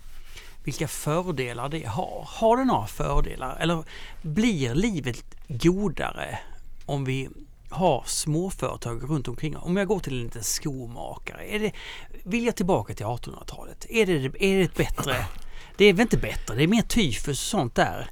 Eh, Hur tänker jag? Förstår ni vad jag menar? Alltså, borde de inte ha ett maxtak för hur stort ett företag får bli? Alltså, det hade väl varit jättebra. Ja, det, alltså en, om man ska ha en fri marknad så Va? Ja, men, nej, men det är det jag säger, det får man inte ha. Det, det, det kan man inte ha då. Alltså, men, en- alltså, det måste ju finnas regleringar för att en fri marknad ska funka. Det är ju en utopi att ha en fri marknad som Mm. själv reglerar sig själv, eller reglerar sig själv. Det är ju en fantasi liksom. Det är en fantasi. Ja, och, och, och det, exakt och den finns ju inte till och med i ett marknadsliberalt land som USA så finns det ju jättemycket regleringar på företag när de blir en viss storlek och sådär. Ja. Men det här är ju väldigt, det det är ett hett ämne nu, inte i för ölbranschen men inom IT-världen. Vi har ju liksom FANG som de kallas. Facebook, Amazon, Apple, Google och Nnet, vad är det? Vet inte. Nintendo. nej, inte. Ja, men det, de är ju för stora, vissa av de här företagen är för stora för sitt egna bästa eh, Mm. kan man ju argumentera för. Och det är ju väldigt, alltså, eh, alltså reglering i allmänhet är ju väldigt hett ämne i USA idag faktiskt. Mm. Mm. Ja. Jag trodde inte att ni var sådana regleringsförespråkare. Det blev lite förvånad. Ja. Jo, eh, eh, Johan Rud undrar eh, med tanke på det här med bryggerilån eh, vilka ställen som finns som inte lever under dessa... Han har förstått att haket inte... Ja, och det, det är korrekt. Det är korrekt Johan. Mm. Men vilka, vilka fler ställen kan vi prata om?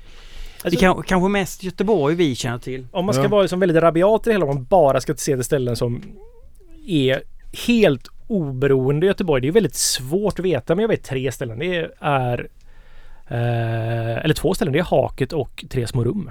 Mm. Jag vet inte exakt hur det ser ut, men jag tror Red Lion är helt oberoende. De har inga avtal. De har ju alltså stor stark från alltså en större importör och sådär, men att jag tror inte de har volymavtal på det sättet liksom. Eller att de har ett, det här måste finnas. Men sen så Nej. vet jag hur många ställen som är jättebra ölbarer som avtal med att de här kra- kranarna är för en ska bara vara från den här distributören till exempel. Och, men de har ju mycket annan öl för det. Eh, Så det är ju, man, man, det, Så, det- ja, men så det, det som man framförallt vill ha bort och som är det stora negativa det är ju när det blir exklusivitet. Eh, Nu, nu står det inte ex exklusivitet i avtalen för det får man inte skriva längre men att det le, alltså den här typen av hårda stora lån leder till en ex exklusivitet. Och tar vi de strukturella ja, biten som de här lånen faktiskt går, leder till. Liksom. Och, men om vi tar ställen som vi kan ju inte vilka exakta affärsöverenskommelser de har med olika leverantörer. Men om vi tar ställen som vi vet i Göteborg är i princip fria att ta in vad de vill. Mm. Eh, Så ja, men det är Haket som sagt, det är Red Lion, eh, Brewers Beer Bar. Men det blir, det blir lite svårt. Bruce Beerberg ägs av personer som Ja. har All In Brewing och Dugges till exempel. Men de har mycket annat Precis. också. Och jag ser dem som oberoende Ja. i min värld. Station Linné, ehm, Ölrepubliken, Tre små rum som sagt. Sen finns det ett antal så här, och nu har vi glömt flera ställen såklart, vi, vi listar inte alla. Men Mm. det finns också många småställen idag som kanske inte är ölställen i princip. Som tar in, får ta in lite vad de vill. Ja, precis. Eller vi har ju många kunder som köper liksom kanske Pivot Pills och ibland IPor och ibland andra IPor och eller de köper andra men de kanske bara har två, tre kranar liksom. Och det, jag ser det som en väldigt härlig trend att eller att det är nya restaurang, restaurantörer, heter det? Som startar ställen och eh, de har inget ölfokus men de vill ändå ha ett bra utbud av öl. Mm. Men de kommer till oss och andra mikrobryggerier och säger ja, vad, vad har ni för något? Och så serverar de bara liksom från oss helt enkelt. Och, I- de, precis, och de är för små för att teckna ett stort volymavtal. Så att de, de hade de gjort det så hade ju de behövt kompromissa med resten av sin verksamhet så att den skulle Jo. bli en annan... men jag menar det kanske inte hade funnits så stor ekonomisk nytta av dem för de säljer inte så enormt mycket öl. Nej precis. Så att det finns inget så här stort incitament att ta in en leverantör. Eller så skulle man ju då om man får leka med tanken så är det som att så här, de har ett koncept de vill öppna och så känner de oh, vad tillräckligt varit med lite pengar men då måste de ändra sitt egna koncept för att fokusera mer på att bara sälja stor stark. Ja. Och då blir det ett annat ställe för de här är ofta små de kanske har ett fokus på liksom hantverksgjord pizza eller att Mm. ja, vi har ju liksom vinbarer som bara vill ha ett enkelt ölutbud för att ja, de fokuserar på vin helt enkelt. men och då är det ju väldigt enkelt att säga att vi kan sälja en hyfsat billig pilsner till dem. Som de har som de kunderna som mellan glasen vin vill ha en pilsner. Exakt. Jag går vidare med frågor. Mm. John I.A. Palmqvist skriver.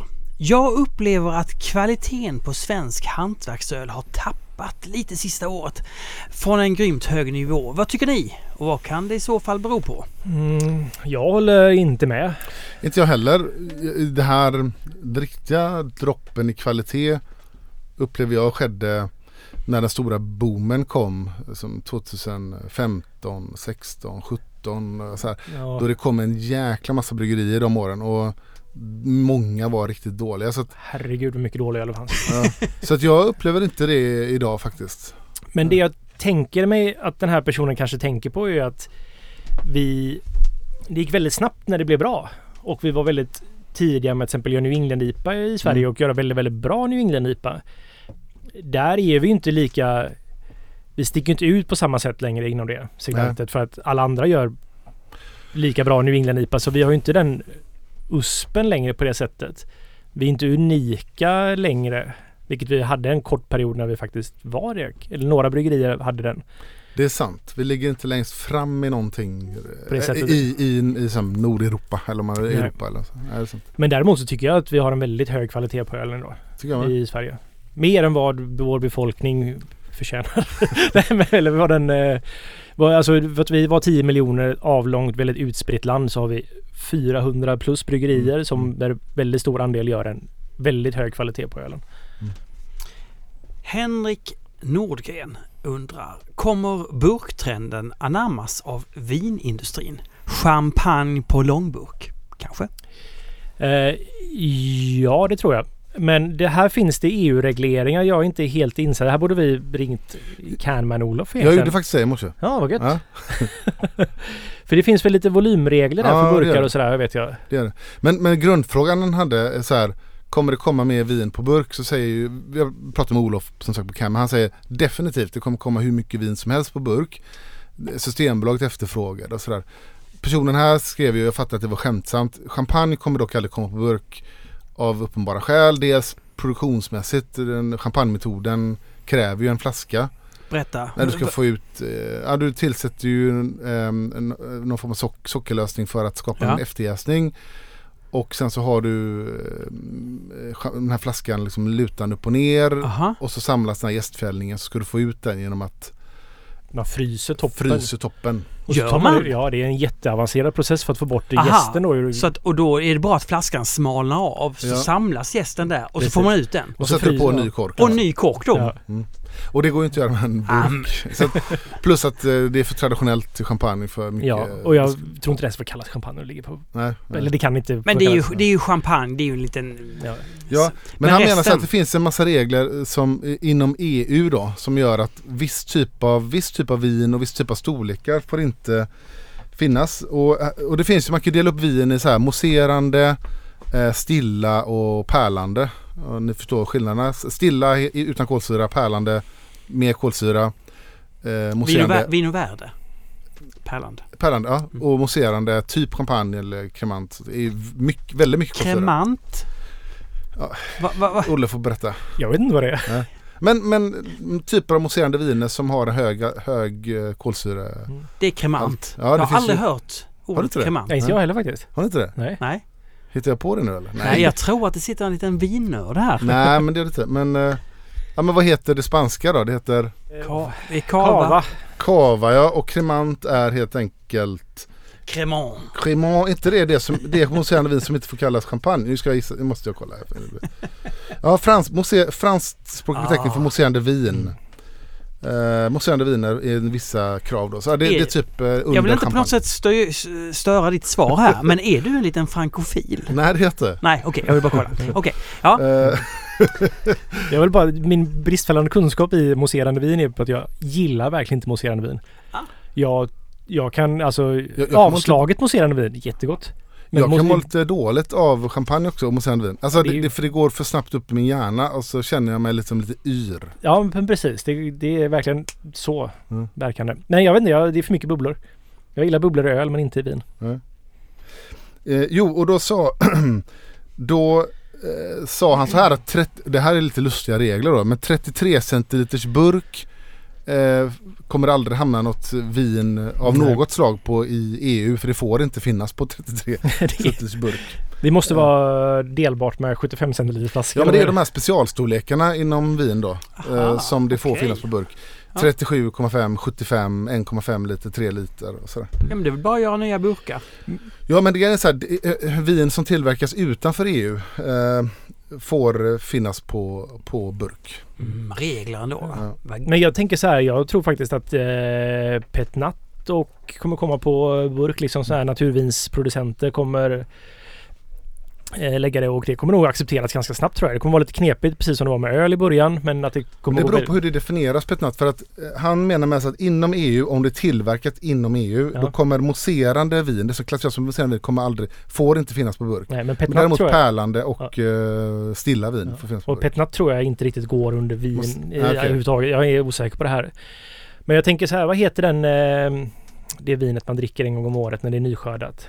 Be- Beaujolais.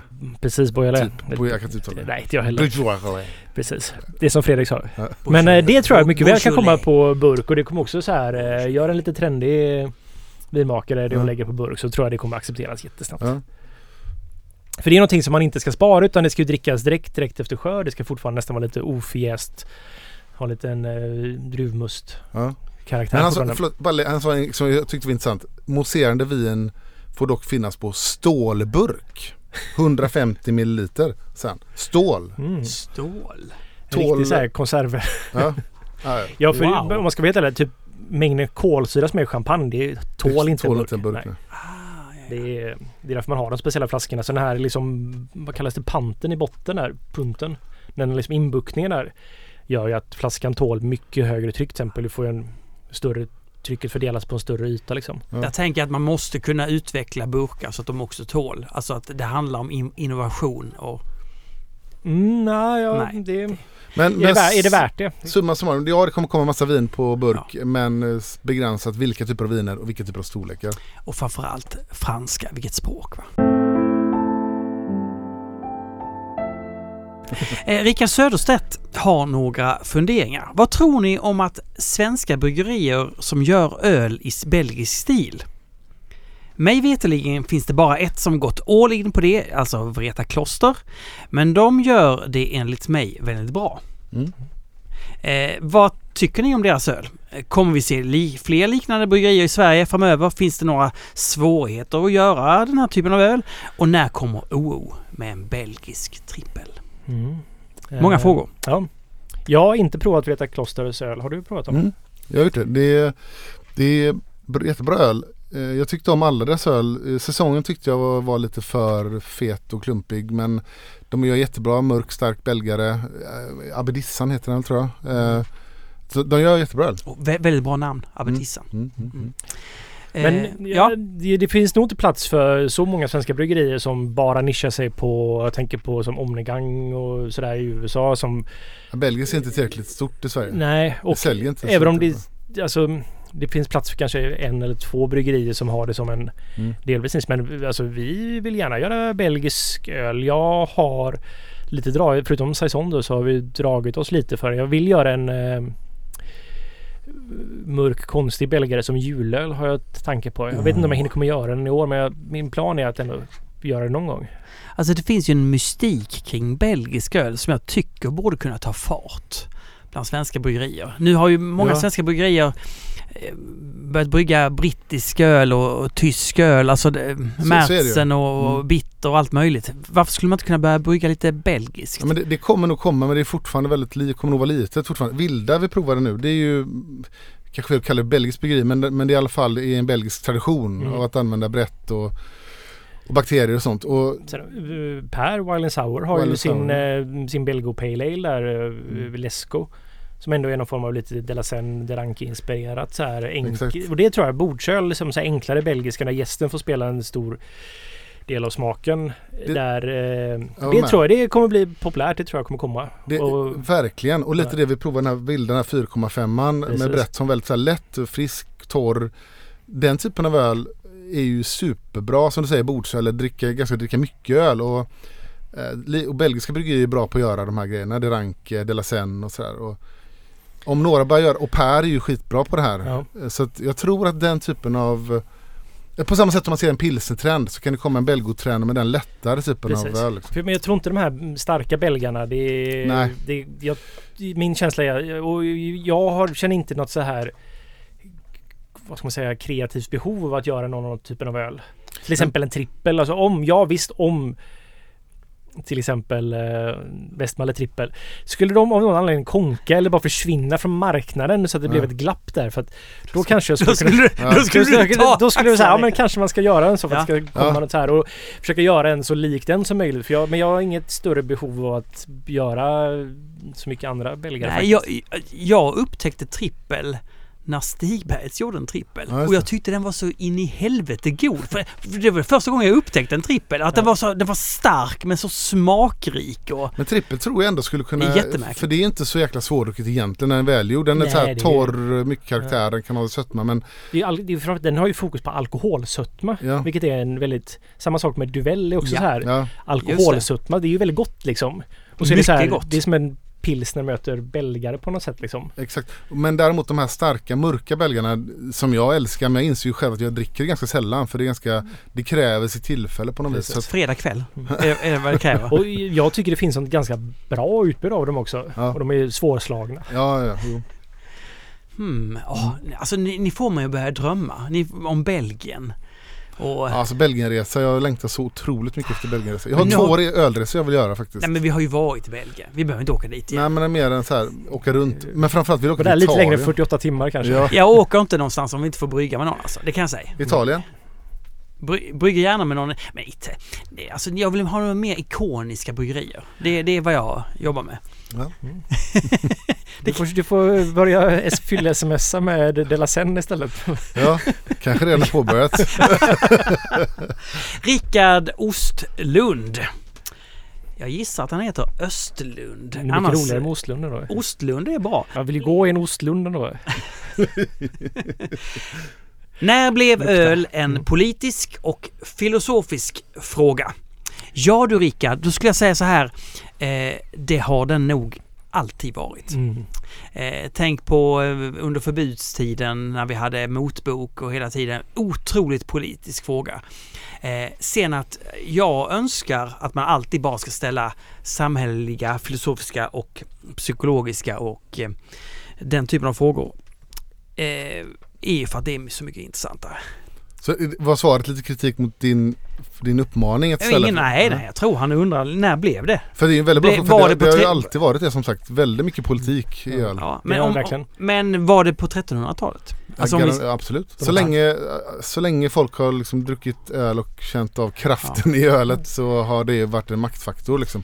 Kan, I, I skatter och allt Ja, möjligt. Jag kan tipsa om en, eh, ett avsnitt som jag lyssnade på igår faktiskt. Gastropodd. Jag har säkert tipsat om den tidigare. En amerikansk podd. De hade ett avs- avsnitt om förbudstiden i USA. Mm. Men det handlar rätt mycket om historien om förbudstid även i Sverige. Där Ah. är mycket politik. Jättebra podcast.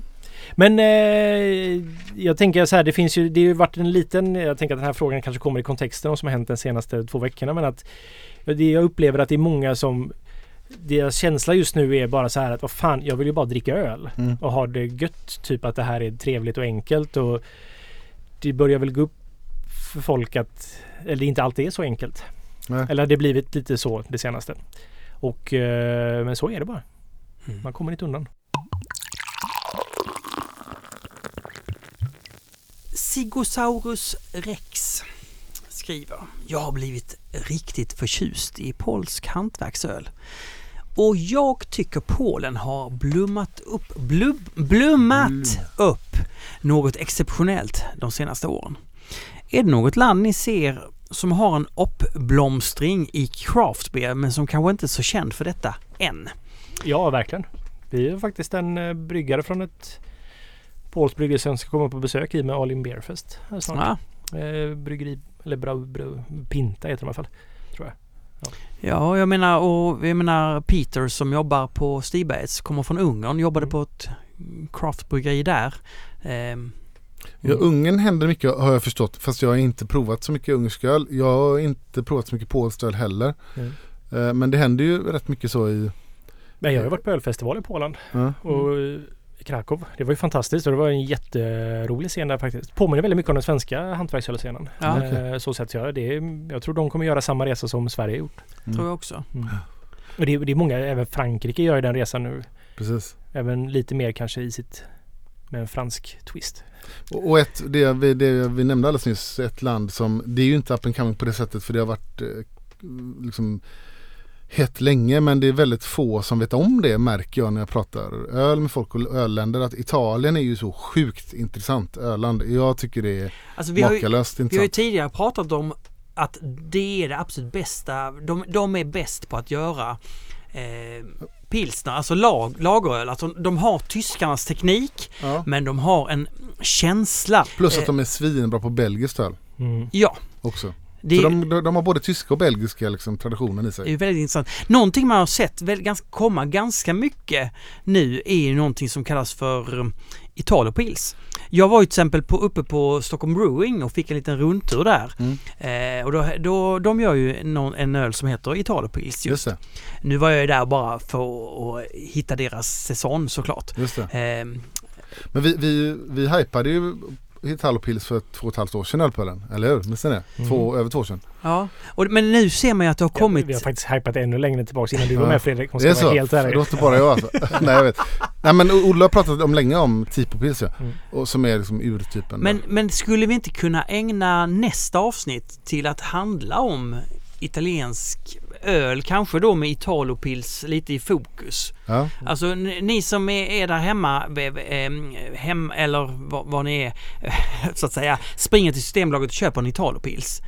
Fundera på vad är, det, vad är det här torrhumlat med eller är det torrhumlat eller vad är det här för någonting? Det finns Är det flera en nu. pilsner? Är det inte en pilsner? Ja. Svartberget har, eh, Stockholm Brewing har, eh, OO, ni släpp, har ni släppt Vi har inte den? släppt en bolag men vi har gjort en som heter Lupepils. Jag ska faktiskt Ja. den igen nästa vecka. Remmalöv har en nu.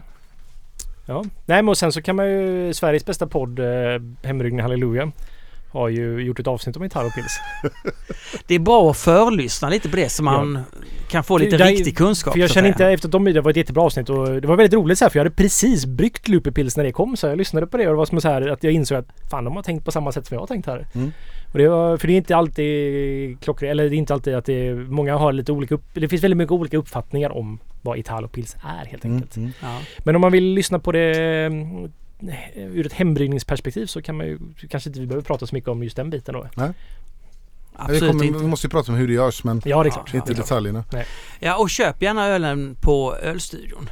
Eh, de sponsrar ju inte oss. Nej, nej för det, jag tror inte de får göra det va? Nej, Systembolaget får inte jag sponsra heller. oss. Nej. Nej. Eh, Det har varit mycket snack om den här appen idag så jag blir lite misstänksam nu. Man vet aldrig, det kan ju vara sån PR-byrå som Martin får pengar av. Ja. man kan också göra så att man besöker mm, eh, Ölpölens eh, merchrum på nätet. Shopify och Ölpölen. Där har vi alltså magiska tröjor. Men vi har ju framförallt glas med råttor på. Vem vill, vem vill inte ha ett glas med en råtta på? Stein har vi också. Ja, det har Jag vi drack också. faktiskt öl i min Stein eh, här i, nej, det var förra veckan var det faktiskt. Ja. Ja, Funkar jättebra. Jag har det som kaffemugg uppe hos mig. Det håller ju värmen väldigt länge. det är väldigt bra. Det är väldigt bra. Mm. Eh, så det ska man göra. Tack alla som stöttar podden med eh, Patreon-pengar. Det är otroligt välkommet. Man kan säga så här att jag klipper podden lite mer noggrant. Eh, och även om du Pontus eh, hatar hur jag klipper och längtar Ina tillbaka så det kommer ju aldrig ske. Va? För att hon, hon flyger upp mot så att säga universums stjärnor. Och så ska man gå med i Svenska Ölfrämjandet. Ses vi om en månad. En